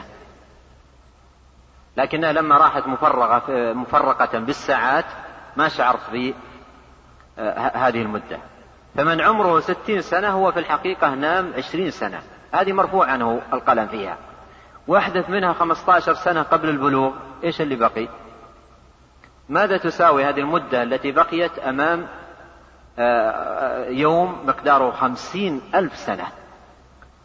في يوم كان مقداره خمسين ألف سنة. وقد جاء عن ابن عباس رضي الله عنهما أنه قال هذا يوم القيامة يطوله الله على الكافر. وأيضا جاء في حديث صحيح عن النبي صلى الله عليه وسلم أنه قال يوم القيامة يكون للمؤمن كما بين الظهر والعصر. يعني هذا اليوم الطويل يهونه الله عز وجل على المؤمن فيكون كما بين الظهر والعصر. وصحح الشيخ الألباني وهو في مستدرك الحاكم وغيره فيهونه الله ويكون يوما ثقيلا طويلا على الكافر. أما المؤمن يهونه الله عليه فيمر عليه كما بين الظهر والعصر. فهو يوم هذا طوله. هذا يوم هو يوم هذا طوله. يوم كان مقداره خمسين ألف سنة. قال يوم كان مقداره خمسين ألف سنة لو كان غير الله عز وجل الحاكم بين خلقه لكنه الله يلي الحكم بينهم بعدله بمقدار القائلة في الدنيا وهو أسرع الحاسبين. هذا قول ذكر بعض المفسرين لكن الأوضح ما أشرت إليه سابقا من كلام أهل العلم في في معنى الآية. والحديث المشار إليه في الهامش في المستدرك يوم القيامة كقدر ما بين الظهر والعصر جاء في في بعض طرقه وكما أشرت صحح الشيخ الألباني يوم القيامة يكون للمؤمن كقدر ما بين الظهر والعصر. يوم القيامة يكون للمؤمن كما بين الظهر والعصر. والشيخ الألباني في السلسلة من عادته أن يضع عناوين للأحاديث التي يريدها. وفي هذا الحديث وضع عنوان خفة يوم القيامة أو تهوين يوم القيامة للمؤمن وأورد هذا الحديث. فقوله يوم القيامة كقدر ما بين الظهر والعصر هذا للمؤمن أي أن الله سبحانه وتعالى يهون آه، أمر هذا اليوم على المؤمن فيكون كقدر ما بين الظهر والعصر. قال كما بدأه لهم من شقاوة وسعادة يومئذ يعودون. رجع إلى التنبيه على مسألة القدر وما قدر الإنسان من آه، حال يكون عليها حال أهل السعادة أو حال أهل الشقاوة. فكما بدأهم آه، بدأه لهم من شقاوة وسعادة يومئذ يعودون. فريق في الجنة وفريق في السعير. أي بحسب ما, ما كتب الله تبارك وتعالى لهم. ثم آه، ذكر نعيم أهل الجنة وعذاب أهل النار. قال وأهل الجنة يومئذ في الجنة يتنعمون وبصنوف اللذات يتلذذون وبأفضل الكرامات يحبرون. فأهل الجنة في الجنة يعيشون نعيم نعيمها ولذاتها وما فيها من من هناءة العيش ولذته. يتنعمون ويتلذذون ويحبرون يجدون لذة هذا النعيم في, في, في, في, في الجنة. قال فهم حينئذ لما ذكر نعيم الجنة ذكر أعظم نعيم يكون فيها وهو رؤية الله قال فهم حينئذ إلى ربهم ينظرون. لا يمارون في النظر إليه ولا يشكون. فوجوههم بكرامته ناظرة وأعينهم بفضله إليه ناظرة. في نعيم دائم مقيم. في نعيم دائم مقيم. قوله فهم حينئذ إلى ربهم ينظرون هذا أكمل نعيم يناله أهل الجنة في الجنة. قد جاء في صحيح مسلم أن الله عز وجل ينادي أهل الجنة يقول لهم إن لكم موعدا آه، آه، سأنجزكموه. فيقولون ألم تبيض وجوهنا ألم تدخلنا الجنة ألم كذا. فيكشف الحجاب فينظرون إليه. وقوله في الحديث إن لكم موعدا أين هذا الموعد؟ وجوه يومئذ ناظرة إلى ربها ناظرة. وفي الحديث قال إنكم سترون ربكم هذا موعد. موعد جاء ذكره في القرآن وجاء ذكره في سنة النبي الكريم عليه الصلاة والسلام. فيناديهم الله جل وعلا في الجنة يقول إن لكم موعدا آه، آه، سأنجزكموه فيقول ألم تبيض وجوهنا؟ ألم تدخلنا الجنة؟ فيكشف, فيكشف الحجاب فينظرون فما أعطوا شيئا آه، أعظم من النظر إلى إلى وجهه الكريم. وهذا يدلنا أن رؤية المؤمن لربه هو أكمل نعيم. وأي نعيم أكمل وأي لذة أعظم من أن يلتذ المؤمن بالنظر إلى وجه خالقه وموجده. سبحانه وتعالى فهذا أكبر نعيم وأعظم نعيم.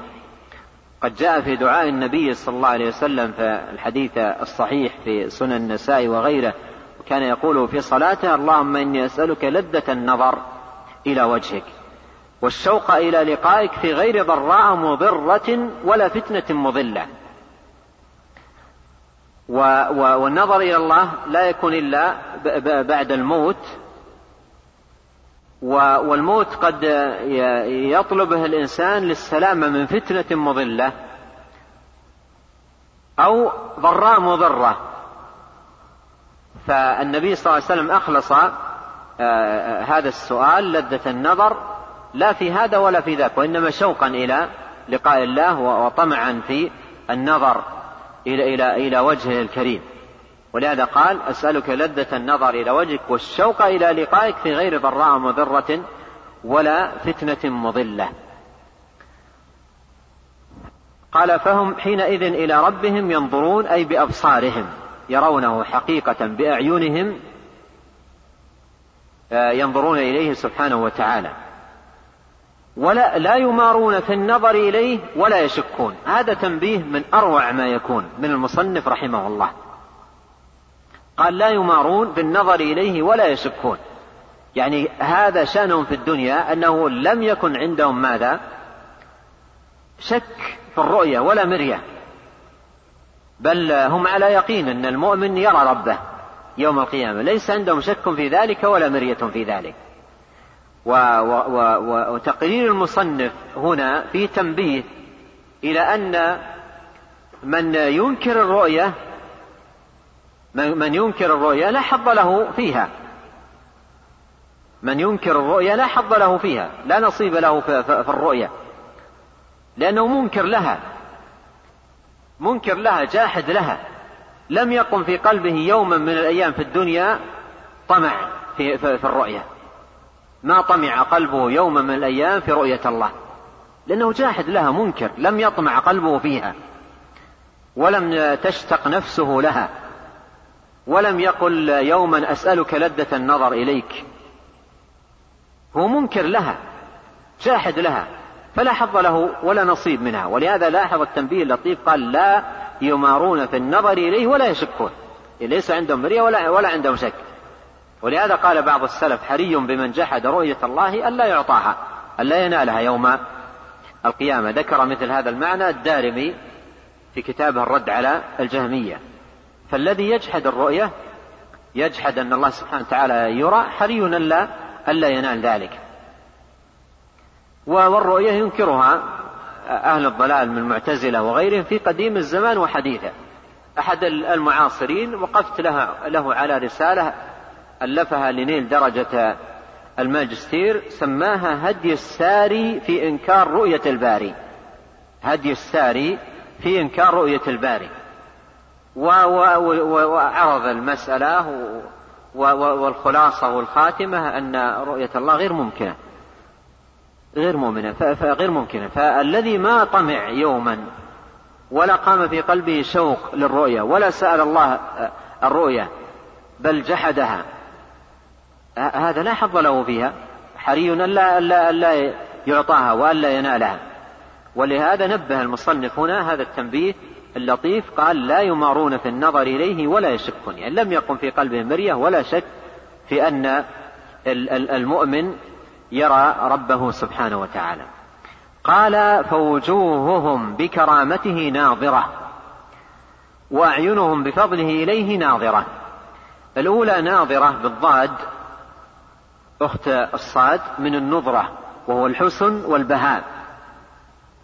كما قال الله سبحانه وتعالى وجوه يومئذ ناظرة أي حسنة بهية. ولو قرأت تفسير السلف لقوله ناظرة تجد عبارات حسنة بهية مشرقة منيرة إلى غير ذلك من الألفاظ وكلها يشملها هذا الوصف أو هذا اللفظ ناظرة. فالنظرة هي الحسن والبهاء والإشراق والإنارة. والجمال والحسن وجوه يومئذ ناظرة أي حسنة بهية مشرقة منيرة. إلى ربها ناظرة. يقول الحسن البصري عند هذه الآية حق لها أن تكون ناظرة يعني حسنة بهية وهي تنظر إلى الله. حق لها أن تكون ناظرة يعني حسنة بهية مشرقة منيرة وهي تنظر إلى الله. حق لها أن تكون كذلك. يعني أن, أن تكتسب هذه النظرة وهذا الحب سبحانه وتعالى. ألذ النعيم النظر إلى إلى وجه الله سبحانه وتعالى. فهي ناظرة وحق لها أن تكون ناظرة لأنها تنظر بأعينها إلى الخالق إلى الرب العظيم سبحانه وتعالى. قال وجوه يومئذ ناظرة. فوجوه قال فوجوه بكرامته وقولا بكرامته منة الله عليهم أن هداهم للإيمان وأكرمهم بالاستقامة وثبتهم على الطاعة إلى أن من عليهم بلذة النظر إلى وجهه الكريم. وأعينهم بفضله إليه ناظرة وأعينهم وهذا فيه التأكيد على أنها رؤية حقيقية بالأبصار يرون الله بأبصارهم بأعينهم حقيقة. وهذا واضح في الآية. قال وجوه يومئذ ناظرة إلى ربها ناظرة. أسند النظر إلى ماذا؟ إلى الوجوه. وعد النظر بإله. وهذا لا يكون إلا في الرؤية بالعين. لا يكون إلا بالرؤية في العين. وصاحب هدي الساري الذي أشرت إليه قبل قليل وأسلافه من المعتزلة عند هذه الآية يقولون ناظرة إلى ربها ناظرة قالوا أي منتظرة لنعيمة. أفسدوا معنى الآية. منتظرة لنعيمة. وهل هذا هو واقعهم؟ يعني هل هذا هو واقع هؤلاء المؤمنين؟ وجوه يومئذ ناظرة إلى ربها ناظرة أي تنتظر النعيم؟ هي في النعيم ولكن هذا مزيد نعيم وأكمل نعيم. فهم أفسدوا معنى الآية قالوا وجوه ناظرة يعني على المعنى السابق آه، حسنة تنتظر النعيم. يعني ما حصل لها وإنما هي تنتظره. لم يحصل بعد وإنما هي منتظرة له. فهذا فيه إفساد للمعنى لمعنى الآية. ومعنى الآية أن هؤلاء في نعيم وفي لذة وفي في حسن وينظرون إلى إلى الله سبحانه وتعالى وهذا من جملة النعيم الذي ينالونه بل هو أتمه وأعظمه وأكمله. قال وأعينهم بفضله إليه ناظرة.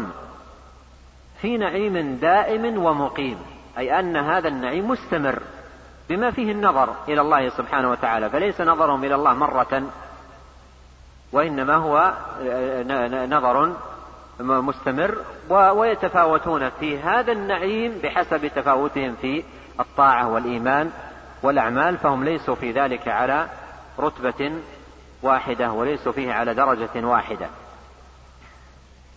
قال ولا يمسهم فيها نصب وما هم منها بمخرجين. لا يمسهم أي أهل الجنة فيها أي في الجنة نصب أي تعب. فليس في الجنة تعب ولا مشقة ولا أمراض ولا أسقام بل فيها النعيم وفيها اللذة لا يمسهم فيها نصب وما هم منها بمخرجين أي يبقون فيها أبد الآباد مخلدين في هذا النعيم المقيم والفضل العميم. قال أكلها دائم وظلها. أكلها دائم وظلها أي ما في الجنة من أكل ونعيم وظل ظليل دائم ومستمر تلك عقبى الذين اتقوا وعقبى الكافرين النار. فهذا مقام أهل الجنة وأما مقام الكافرين فهو النار. ثم شرع في الكلام على آه، أهل النار قال وأهل الجحد أي آه، آه، الكفار عن ربهم يومئذ محجوبون. كما قال الله سبحانه وتعالى كلا إنهم عن ربهم يومئذ لمحجوبون. أي لا يرون الله. ولا ينالون هذا النعيم. كلا إنهم عن ربهم يومئذ لمحجوبون. هذا الحجب آه، من سخط الله عليهم. فإذا كان الرب سبحانه وتعالى حجبهم عن هذا النعيم لسخطه عليهم فما شأن من رضي عنهم؟ فما شأن من رضي عنهم سبحانه وتعالى؟ أيسوى بين من رضي عنه الله وبين من سخط الله عليه؟ وهذا أيضا مما يبين لنا فساد عقيدة من ينكر الرؤية. لأن من ينكر الرؤية سوى بين من قال الله عنهم كلا إنهم عن ربهم يومئذ لمحجوبون وبين من؟ وبين أهل الإيمان. الحجب للجميع ليس خاصا بالكفار. والله عز وجل جعل الحجب خاصا بالكفار. ولتقرير دلالة الآية على هذا المعنى ننظر إلى قول الشافعي رحمه الله حيث قال لما أورد الآية قال فلما حجبهم في السخط كان في هذا دليل على أنهم يرونه في الرضا. لما حجبهم في السخط كان فيه دليل على أنهم يرونه في الرضا. قول الشافعي هذا رواه عنه المزني كما في الهامش رواه عنه المزني صاحب هذه الرسالة لم يروه عنه مباشرة وإنما قال سمعت إبراهيم بن هرم القرشي يقول سمعت الشافعي يقول في قوله تعالى كلا إنهم عن ربهم يومئذ لمحجوبون فلما حجبهم في السخط كان في هذا دليل على أنهم يرونه في الرضا. فقال له أبو النجم القزويني يا أبا إبراهيم يا أبا آه، إبراهيم به تقول لعلها يا إبراهيم. به تقول قال نعم وبه أدين. قال به أقول وبه أدين. فقام إليه عاصم فقبل رأسه وقال يا سيد الشافعيين يا سيد الشافعيين اليوم بيضت وجوهنا. وأقول بمناسبة هذا الأثر كم يحتاج الناس آه، في, إلى من يبيض الوجه؟ كم يحتاج الناس إلى من يبيض الوجه ولا يمشي مجاريا حال أهل بلده إذا كانوا مبتلين بتأويلات أو بتعطيل الصفات وإنما يبيض الوجه ويقول الحق ويبينه حتى تنتشر السنة فهذا لم يبالي. قال وبه أقول وبه أدين. يعني لم يبالي. لعل كان في المجلس من لا يرى ذلك أو نحو ذلك فصدع بالحق. قال به أقول وبه أدين. فقام إليه وقبل رأسه وقال يا سيد الشافعيين بيضت وجوهنا. يا سيد الشافعيين بيضت وجوهنا. فأقول كم يحتاج الناس إلى مثل هذه المواقف التي تبيض الوجه. لا أن يمشي الإنسان مساري مسايرا ومجاريا آه، ما عليه آه، أهل بلده من مخالفة أو من تعطيل أو من نفي. بل يبين الحق ويوضحه. ويكون منه هذا الموقف الذي يبيض الوجه. كلمة جميلة. يا سيد الشافعيين بيضت وجوهنا. يعني بصدعك بهذا الحق. قال وأهل الجحد عن ربهم يومئذ محجوبون وفي النار يسجرون. أي تسجر بهم النار ويعذبون فيها لبئس ما قدمت لهم أنفسهم أن سخط الله عليهم وفي العذاب هم خالدون. أي باقون في هذا العذاب أبد الآباد. يوضح ذلك الآية الأخرى قال لا يقضى عليهم فيموتوا ولا يخفف عنهم من عذابها كذلك نجزي كل كفور. بقيتها وهم يصطرخون فيها ربنا أخرجنا نعمل صالحا غير الذي كنا نعمل. أولم نعمركم ما يتذكر فيه من تذكر وجاءكم النذير فذوقوا فما للظالمين من نصير. لا يقضى عليهم فيموتوا. يعني لا يقضى عليهم ب... ب... ب... بانتهاء العذاب بالموت. بالموت بل هم يبقون أحياء أبد الآباد في هذا العذاب. ولا يخفف عنهم من عذابها. أي العذاب الذي يكونون فيه في النار لا يخفف. بل جاء في القرآن ما يدل على أنه يزيد. لا يكون في العذاب تخفيف بل يكون فيه الزيادة. أين الآية؟ فذوقوا فلن نزيدكم إلا عذابا في سورة النبأ. فذوقوا فلن نزيدكم إلا عذابا.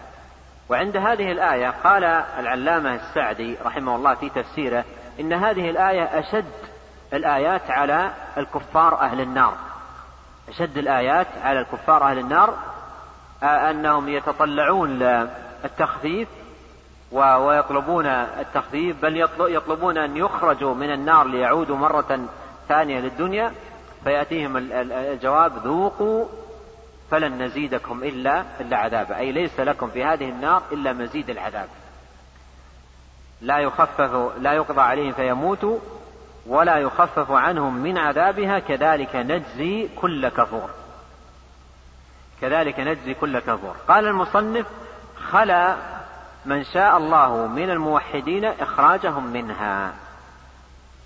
هنا ينبه المصنف رحمه الله إلى أن من يعذبون في النار هم على صنفين كفار وليسوا بكفار صنف كفار وصنف ليسوا بكفار بل مسلمون. فالعذاب المذكور في الآية هذا عذاب الكافر قد قال الله فيها كذلك نجزي كل كفور.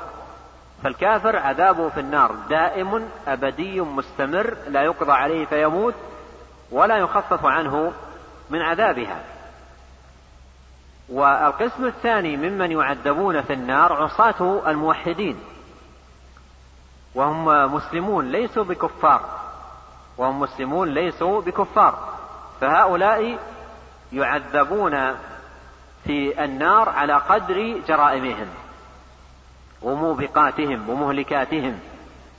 يعذبون في النار على قدرها ثم يخرجون.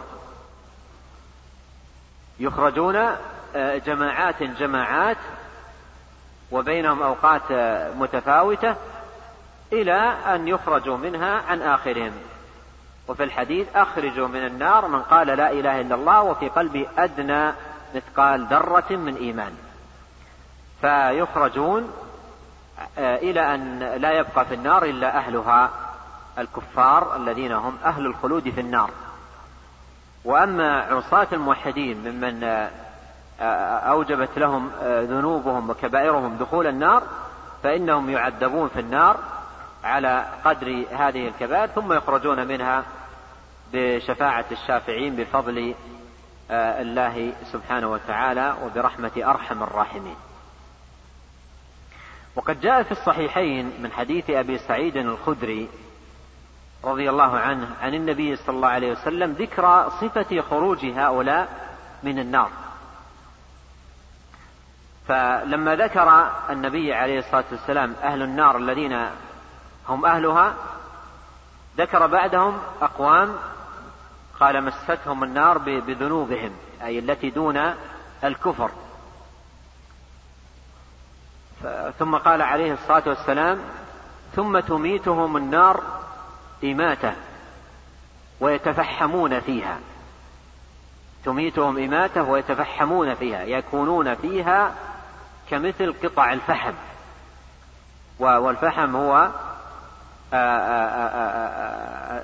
الحطب المشتعل الطافئ.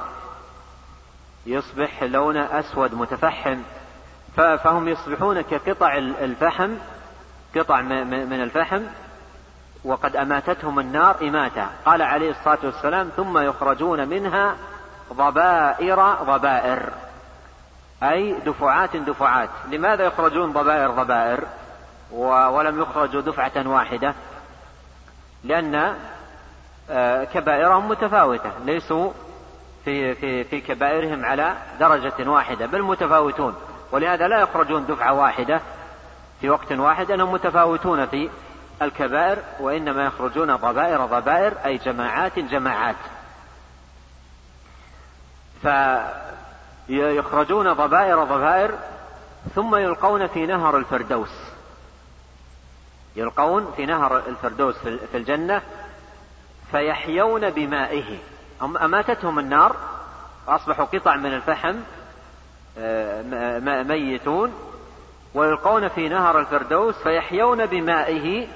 قال عليه الصلاة والسلام كما تنبت الحبة في حميل السيل.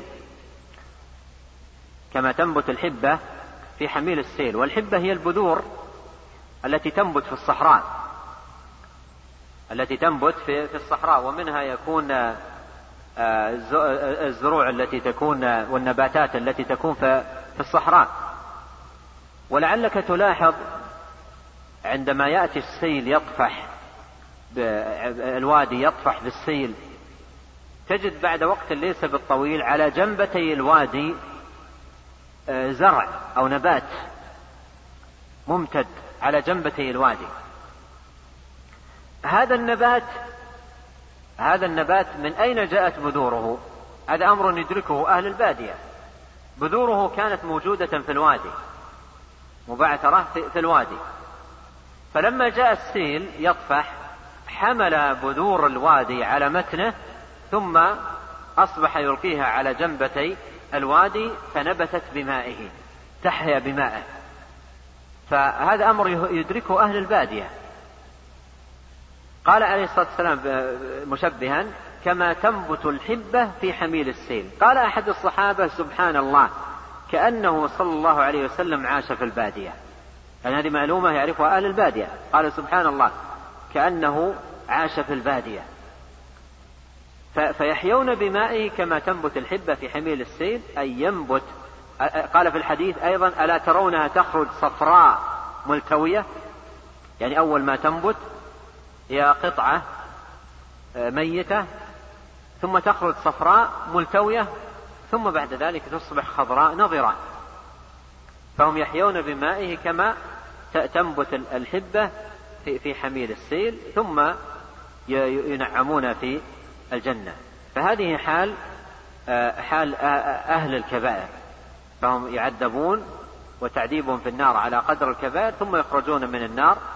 وبعد إذن يعني بعد هذا الإخراج بحيث لم يبقى في النار من أهل الكبائر أحد من أهل الإسلام وادخلوا الجنة فيبقى في النار أهلها الذين أهلها وفي الجنة أهلها الذين أهل هم أهلها وفي هذا الوقت يؤتى بكبش وينادى يا أهل الجنة فيستبشرون وينادى يا أهل النار فيستبشرون يظنون أنه, أنه فرج جاء. فيذبح هذا الكبش ويقال يا أهل الجنة خلود فلا موت ويا أهل النار خلود فلا موت. فيذبح هذا الكبش الذي هو الموت فلا يكون موت. لا لأهل الجنة موت ولا لأهل النار موت بل كل منهم خالد فيها أبد الآباد. وهذا بعد إخراج عصاة الموحدين من الجنة. إخراج عصاة الموحدين من النار. نعم. قال المصنف رحمه الله تعالى والطاعة لأولي الأمر فيما كان عند الله عز وجل مرضيا واجتناب ما كان عند الله مسخطا وترك الخروج عند تعديهم وجورهم والتوبة إلى الله عز وجل كيما يعطف بهم على رعيتهم. ثم ذكر المصنف بكلام مختصر لكنه واف في بابه ما يتعلق بالسمع والطاعة لولاة الأمر بالمعروف. والنصح لهم. كما آه، جاء في كتاب الله وسنة رسوله صلوات الله وسلامه عليه. قال الله تعالى يا أيها الذين آمنوا أطيعوا الله وأطيعوا الرسول وأولي الأمر منكم. والنصوص آه، في السنة في طاعة ولاة الأمر والسمع والطاعة لهم في المنشط والمكره في العسر واليسر وعدم الافتيات والخروج عليهم كثيرة جدا. ومن العلماء من أفردها بمصنف لكثرتها. ويكفي في ذلك أن تقرأ ما جمعها الإمام مسلم رحمه الله في كتابه الإمارة من صحيحه. كتاب الإمارة من صحيحه. وهنا ينبغي أن ننتبه أيها الإخوة إلى أمر مهم في هذا الباب. طاعة ولاة الأمر. طاعة ولاة الأمر. من أمرنا بطاعة ولاة الأمر هو الذي أمرنا بالصلاة. هو الذي أمرنا بالصيام. هو الذي أمرنا بالحج. بل جاء الأمر بطاعة ولي الأمر مضموما إلى الأمر بالصلاة مثل ما جاء في خطبة النبي عليه الصلاة والسلام في الحج. قال اتقوا ربكم وصلوا فرضكم وصوموا شهركم وأدوا زكاة مالكم وأطيعوا ذا أمركم تدخلوا جنة ربكم. هذا قاله النبي صلى الله عليه وسلم للناس في الحج. قاله لجماهير المسلمين في الحج. صلوا فرضكم صوموا شهركم أدوا زكاة مالكم أطيعوا ذا أمركم تدخلوا جنة ربكم. فطاعة ولي الأمر أو الأمر بطاعة ولي الأمر هي جاءتنا ممن أمرنا بالصلاة والصيام وسائر الأوامر. وهنا يأتي السؤال لماذا بعض الناس يستوحش؟ يستوحش من النصوص يعني يأتي في قلبه وحشة من النصوص التي فيها الأمر بطاعة ولي الأمر ولا يأتي في قلبه وحشة من النصوص التي فيها الأمر بالصلاة؟ تجد يقرأ كتاب الصلاة في صحيح مسلم ولا ولا يدخل في قلبه وحشة وإذا جاء إلى كتاب الإمارة من صحيح مسلم استوحش قلبه. هذه الوحشة التي في قلبه من هذه السنن سببها الهوى. هذه الوحشة التي في قلبه من هذه السنن سببها الهوى الذي خالط قلبه. فجعل آه، في قلبه وحشة من هذه النصوص ونفر منها.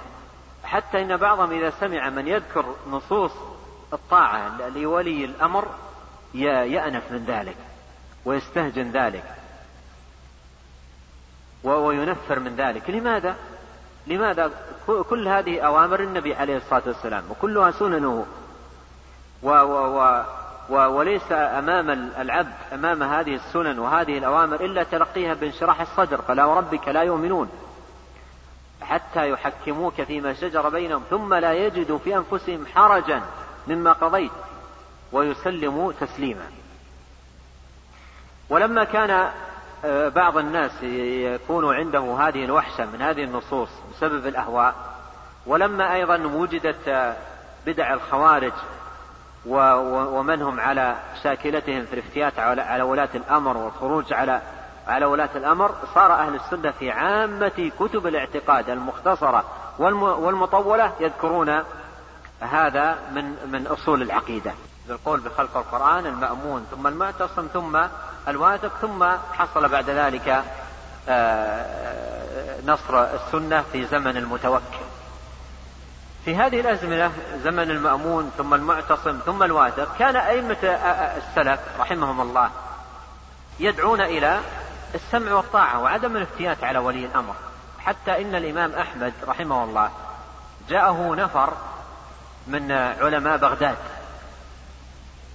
جاءه نفر من علماء بغداد ودخلوا عليه في بيته وناظروه ساعة. ساعة. وقالوا له إنه أمر القضاة بالقول بخلق القرآن وامتحن الناس وأمر الكتاتيب في المدارس أن يعلموا الأطفال ذلك ومعنى ذلك أن أطفالنا ينشأون على هذه العقيدة. فنحن نريد الخروج. وأرادوا أن يخرج معهم وينزع اليد من الطاعة. قال حنبل بن إسحاق راوي هذه القصة. قال فناظرهم ساعة وقال اتقوا الله وانظروا في عاقبة أمركم ولا تريقوا دماءكم ولا دماء المسلمين. اصبروا حتى يستريح بر أو يستراح من فاجر. وذكر لهم كلاما طويلا. ناظرهم ساعة. يقول فلما خرجوا من عنده قالوا لي عند الباب تخرج معنا. تخرج معنا. يعني الفتنة قائمة قائمة في في نفوسهم ولم يستفيدوا من وعظ الإمام أحمد رحمه الله ونصحه حتى ذهبوا إلى بعض أبنائه أو أبناء إلى ابن أخيه يدعونه إلى الخروج. قال فسألت أبي سألت أبي قال لا تذهب معهم فلم ينهم أحمد إلا عن شر. قال فتعللت وتركتهم. الآن كانوا عند الإمام أحمد ويعظهم ساعة ويذكر لهم النصوص والأدلة ويبسطها لهم فما آه، تلقوا شيء منها بالقبول وعند الباب يدعون ولد أخيه للخروج معهم. عند باب بيته يدعون ولد أخيه للخروج معهم. يقول حنبل ثم إنهم خرجوا فكان ما كان سجن من سجن وقتل من قتل. هذه النتيجة. سجن من سجن وقتل من قتل. وأيضا ما يحدث في مثل هذه الفتن من إراقة الدماء وضياع الدين وتسلط الأعداء إلى غير ذلك من الشرور التي تحصل. وابن تيمية رحمه الله استقرأ تاريخ من حصل منهم خروج على ولاة الأمر وما ترتب على خروج من المفاسد. فلخصه في كلمتين. قال فما أقاموا دينا ولا أبقوا دنيا. هذه الخلاصة. ما أقاموا دينا ولا أبقوا دنيا. يأتي هنا السؤال إذا إذا حصل الفساد وحصل فساد الولاة وتجاوزاتهم وظلمهم ما هو المخرج وما هو الحل؟ إذا كان الخروج ونزع اليد من الطاعة وشق العصا والتوجه إلى إراقة الدماء وإلى هذا ممنوع لما يترتب عليه من الأضرار والأخطار والمفاسد. إذا ما هو الحل وما هو المخرج؟ يأتي الجواب. قال رحمه الله والطاعة لولي الأمر والطاعة لولي الأمر فيما كان عند الله عز وجل مرضيا واجتناب ما كان عند عند الله مسخطا. وهذا معنى ما جاء في الحديث إنما الطاعة في المعروف. إنما الطاعة في المعروف. ولا طاعة لمخلوق في معصية الخالق. فإذا أمروه بمعروف أطاعهم لهم السمع والطاعة. وإذا أمره بمعصية لا يطيعهم لكن لا لا يفتات عليهم ولا يخرج عليهم. وإنما يمتنع عن عن طاعتهم. فلا يطاعون إذا أمروه بمعصية. إذا قالوا له لا تصلي يصلي. وإذا قال له قالوا له اشرب الخمر لا يشرب. لا لا يطيعهم في المعصية معصية الله ويطيعهم في المعروف. كما قال عليه الصلاة والسلام إنما الطاعة في المعروف ولا طاعة لمخلوق في معصية الخالق. وقد جاء في في حديث صحيح أن النبي صلى الله عليه وسلم أمر أحد الصحابة على سرية. ثم آه، في بعض الطريق أمرهم أن يحتطبوا أن يجمعوا حطبا فجمعوا الحطب. قال أججوا نارا. الآن هو أميرهم وله الطاعة. قال أججوا نارا أججوا النار. قال ادخلوا فيها. فأشكل عليهم الأمر. يعني آه، هم مأمورون بالطاعة وأيضا مأمورون باجتناب آه، النار ودخول النار وإهلاك النفس بالنار. فاحتاروا في الأمر. هل يدخلون؟ أو يمتنعون. فقرروا أن أن يسألوا النبي صلى الله عليه وسلم. فسألوه. قال لو دخلوا فيها لبقوا فيها أبد الآباد. لا طاعة لمخلوق في معصية الخالق. لا طاعة لمخلوق في معصية الخالق. فإذا أمر بمعصية لا يطاع. إذا أمر بمعصية لا يطاع. وإذا أمر بمعروف فله الطاعة. هذا معنى قول المصنف والطاعة لأولي الأمر فيما كان عند الله عز وجل مرضيا. أي المعروف. المرضي عند الله. واجتناب ما كان عند الله مسخطا. إذا كان أمرا يسخط الله لا يطيعهم. بل يعصيهم لا يطيعهم. قال وترك الخروج عند تعديهم وجورهم. يعني إذا جار السلطان وتعدى وتجاوز يترك الخروج عليه.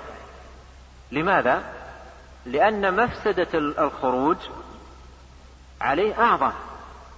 مفسدة الخروج عليه فيها إراقة دماء فيها إهلاك لأموال فيها ضياع للدين ذهاب للأمن.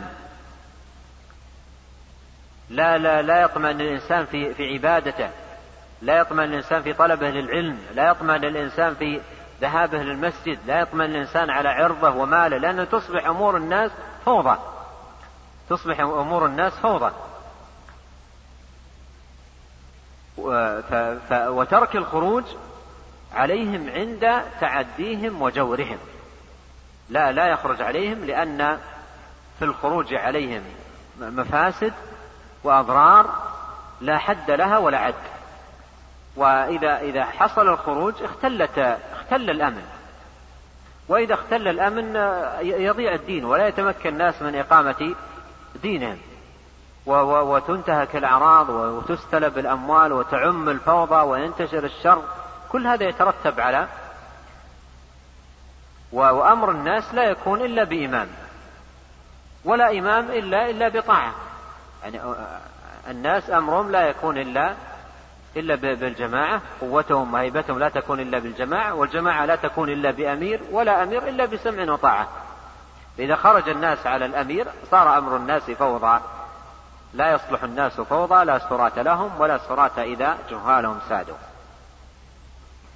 قال وترك الخروج عند تعديهم وجورهم والتوبة إلى الله عز وجل كيما يعطف بهم على رعيتهم. لاحظ المخرج والتنبيه عليه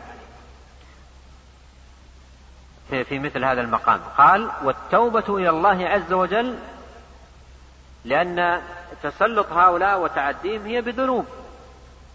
بذنوب. ذنوب من الناس سلطت عليهم هؤلاء الولاة بالتعدي والجور. وكذلك نولي بعض الظالمين بعضا. الظالم يولى عليه الظالم.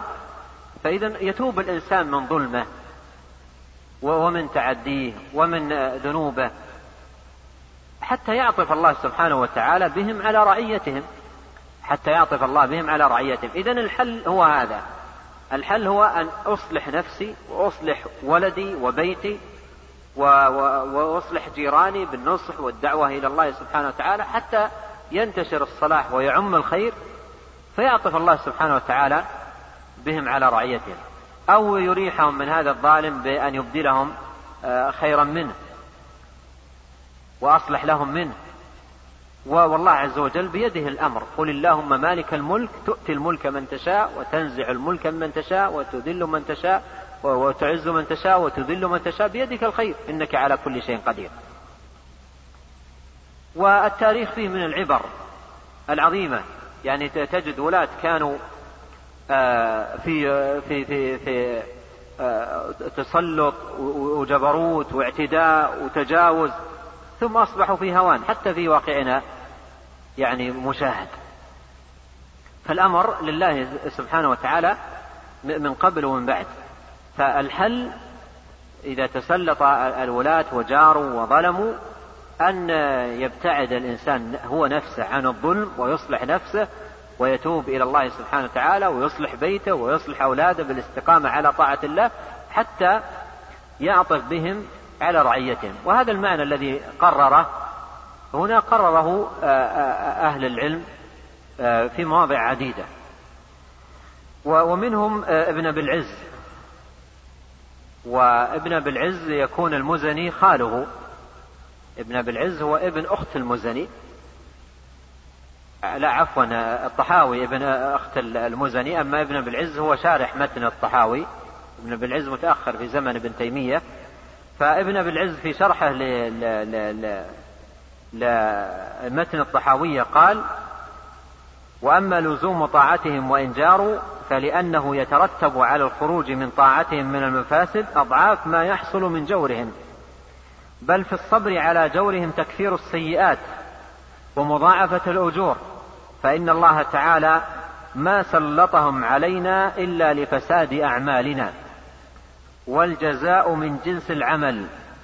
فعلينا الاجتهاد في الاستغفار والتوبة وإصلاح العمل فإذا أراد الرعية أن يتخلصوا من ظلم الأمير الظالم فليتركوا الظلم فليتركوا الظلم. وأعتبر في هذا في حياة الناس. تجد من الناس فيه تهاون عظيم هو في دينه ومحافظته على أوامر الله وبعده عن نواهيه ثم مع الظلم الذي هو عليه يناطح الولاة ويتحدث عن ظلمهم وينسى ظلمه هو لنفسه وينسى عصيانه وينسى تعديه. فالأولى به أن ينظر إلى إلى إلى إلى الظلم الذي عنده ويتوب إلى الله ويصلح نفسه ويصلح بيته ويصلح ولده ويجتهد في إصلاح جيرانه حتى يعم الخير ويتحقق ما أشار إليه المصنف رحمه الله بقوله كيما يعطف بهم على رعيتهم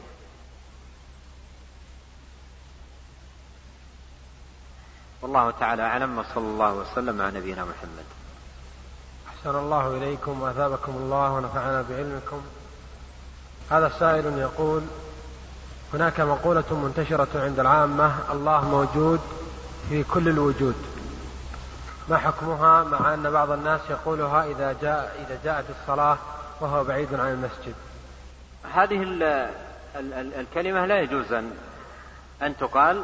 حتى وإن كان قصد قائلها أنه موجود بعلمه موجود بعلمه لكن هذه الكلمة في هذا الإطلاق لا يجوز أن تقال. الله موجود في كل الوجود لا يجوز أن, أن تقال. إلا إذا قيدت بما يزيل آه، الإشكال أو بما يبعد المعنى الفاسد الذي تدل آه، تدل عليه هذه الكلمة. فإذا قال الله موجود آه، في في كل مكان بعلمه واطلاعه فهذا صحيح. أما موجود في كل الوجود هكذا بالإطلاق هذه تتضمن معنى فاسد فلا يجوز أن تقال بهذا الإطلاق. أحسن الله إليكم. هذا سائل يقول ما الفرق بين قول السلف أمروها كما جاءت وبين مذهب المفوضة الذين يفوضون الأسماء والصفات؟ الفرق بين المقولتين شاسع والبون كبير. هذا هدى وقولهم ضلال. السلف لما قالوا أمروها كما جاءت بلا كيف ليس في هذه المقولة تفويض كما يظنه المفوضة. والمفوضة يستدلون على قولهم بالتفويض بهذه المقولة للسلف. يقولون السلف قالوا أمروها كما جاءت بلا كيف يعني اقرأوها قراءة مجردة. هكذا فهموا آآ آه، آآ آه، هذه المقولة للسلف. والحقيقة أن قول السلف أمروها كما جاءت بلا كيف هذا ليس فيه تفويض بل فيه إثبات للمعنى بل فيه إثبات للمعنى. أما المفوضة فإنهم لا يثبتون لآية الصفة معنى بل يقرؤونها قراءة مجردة. فعندهم الرحمن على العرش استوى وبل يداه مبسوطتان كقوله كاف ها يا عين صاد. الله أعلم بالمراد. كلها مجهولة المعنى. هذا تفويض. هذا تفويض وهو قول باطل. وأما السلف رحمهم الله لما قالوا أمروها كما جاءت بلا كيف هم بهذه المقولة أثبتوا المعنى. هم بهذه المقولة أثبتوا المعنى ولم يفوضوه. ويدلنا على إثباتهم المعنى في هذه المقالة آه، أمران. الأول في قولهم أمروها كما جاءت وهي جاءت محملة بالمعاني. الآن عندما نمر قوله تعالى الرحمن على العرش استوى. هو كيف جاء؟ جاء مجهول المعنى أو جاء معلوم المعنى؟ بل يداه مبسوطتان. هذه كيف جاءت؟ جاءت مجهولة المعنى أو معلومة المعنى؟ غضب الله عليهم. هل جاءت مجهولة المعنى أو معلومة المعنى؟ فهي ألفاظ جاءت محملة بمعاني فإمرارها كما جاءت يكون بماذا؟ بفهم معانيها. فمن قال عنها إنها مجهولة المعنى لم يمرها كما جاءت لأنها جاءت محملة بالمعاني. فإذا في قول السلف أمروها كما جاءت هذا فيه إثبات المعنى. وأيضا أمر آخر في قولهم بلا كيف بلا كيف. هذا أيضا في دلالة على إثباتهم للمعنى لأن إذا لم يثبت من النص صفة ولم يثبت آه، آه، لها معنى فما وجه نفي الكيفية؟ إذا كانت الصفة ليست موجودة ما معنى نفي الكيفية؟ النفي هنا لكيفية الصفة فإذا كانت الصفة ليست مثبتة ما الحاجة إلى إلى نفي الكيفية؟ فإذا قول السلف أمروها كما جاءت بلا كيف هذا يدل على إثباتهم للمعنى من وجهين. الوجه الأول في قوله أمروها كما جاءت والوجه الثاني في قولهم بلا كيف. وأما المفوضة فإنهم إمرارهم للصفات إمرار لها لا كما جاءت وإنما يقرؤونها قراءة آه، مجردة بدون فهم لمعانيها ودلالاتها ويقول الله أعلم بمعناها. نعم. أحسن الله إليكم. هذا سائل يقول هل العاصي يستطيع الجواب عن الأسئلة في القبر؟ بمعنى هل هناك تلازم بين الجواب والنجاة أو عدمه؟ المؤمن يثبته الله والظالم والضال يضله الله كما قال الله عز وجل ويضل الله الظالمين ويفعل الله ما يشاء. وأهل الإسلام في ثباتهم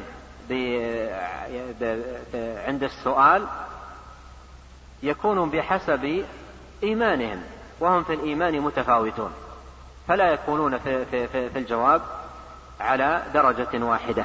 نعم. أحسن الله إليكم.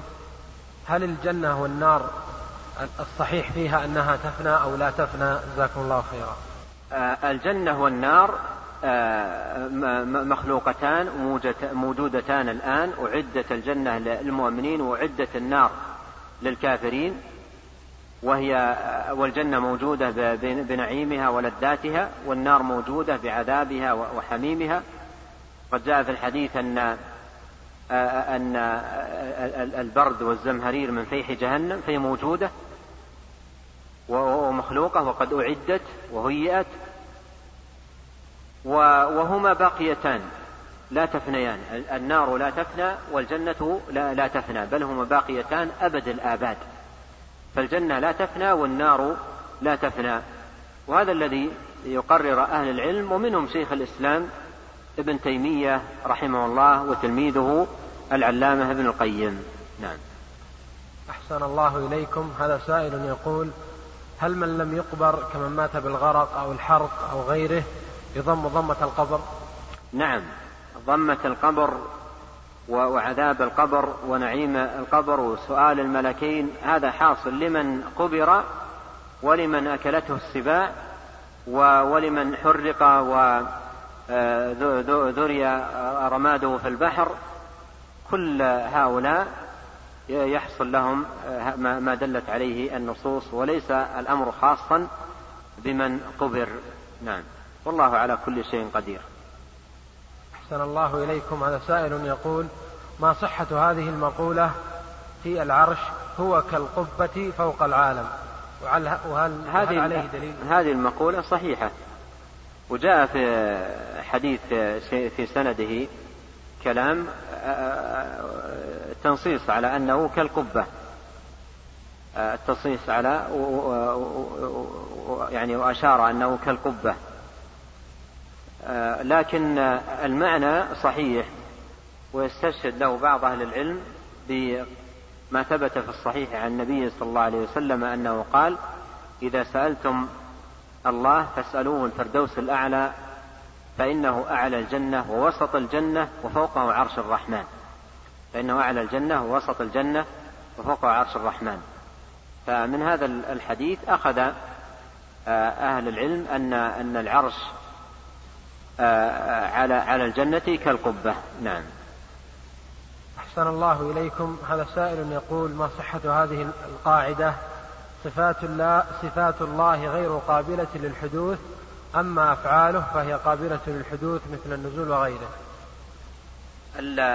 الحدوث آه، في في في, في الأفعال مثلا أو في الكلام قوله سبحانه وتعالى وما يأتيهم من ذكر من ربهم محدث. هذا ليس في آه، أصل الصفة وإنما في أفرادها. تكلم بالتوراة ثم تكلم بالإنجيل ثم تكلم بالقرآن وهكذا. فالحدوث هذا مراده. أما الله عز وجل لم يزل ولا يزال متكلما بما شاء متى شاء سبحانه وتعالى. فالحدوث على على هذا المعنى في, في, في, في الآحاد والأفراد نعم أما أصل الصفة فالله عز وجل لم يزل فعالا لما يريد ولم يزل متكلما ولم يزل قادرا على كل شيء ولم يزل رحيما. نعم. أحسن الله إليكم. لعلنا نختم بهذا السؤال ونعتذر من الأخوة الطلاب لكثرة الأسئلة ونرجو منهم توضيح الخط والاختصار في السؤال. جزاكم الله خيرا. هذا السائل يقول هل يؤخذ من قول السلف أن من أنكر الرؤية حقيق أن لا يكرم بالنظر يوم القيامة؟ تكفير من أنكر الرؤية. من أنكر الرؤية آه، قد يكون أنكرها لشبه عرضت له ومن كان قوله بمثل هذه الأمور المكفرة عن شبهة لا يكفر حتى تقام عليه الحجة وتزال عنه الشبهة. كما قال الله عز وجل ومن يشاقق الرسول من بعد ما تبين له الهدى ويتبع غير سبيل المؤمنين. أما إذا كان عنده شبهة وعرضت له وأشكلت عليه ولأجلها آه، حصل منها النفي أو حصل عنده الشك والتردد فمثل هذا لا يكفر وإنما تزال عنه آه، الشبهة وتقام عليه الحجة. نعم. والله أعلم وصلى الله وسلم على نبينا محمد.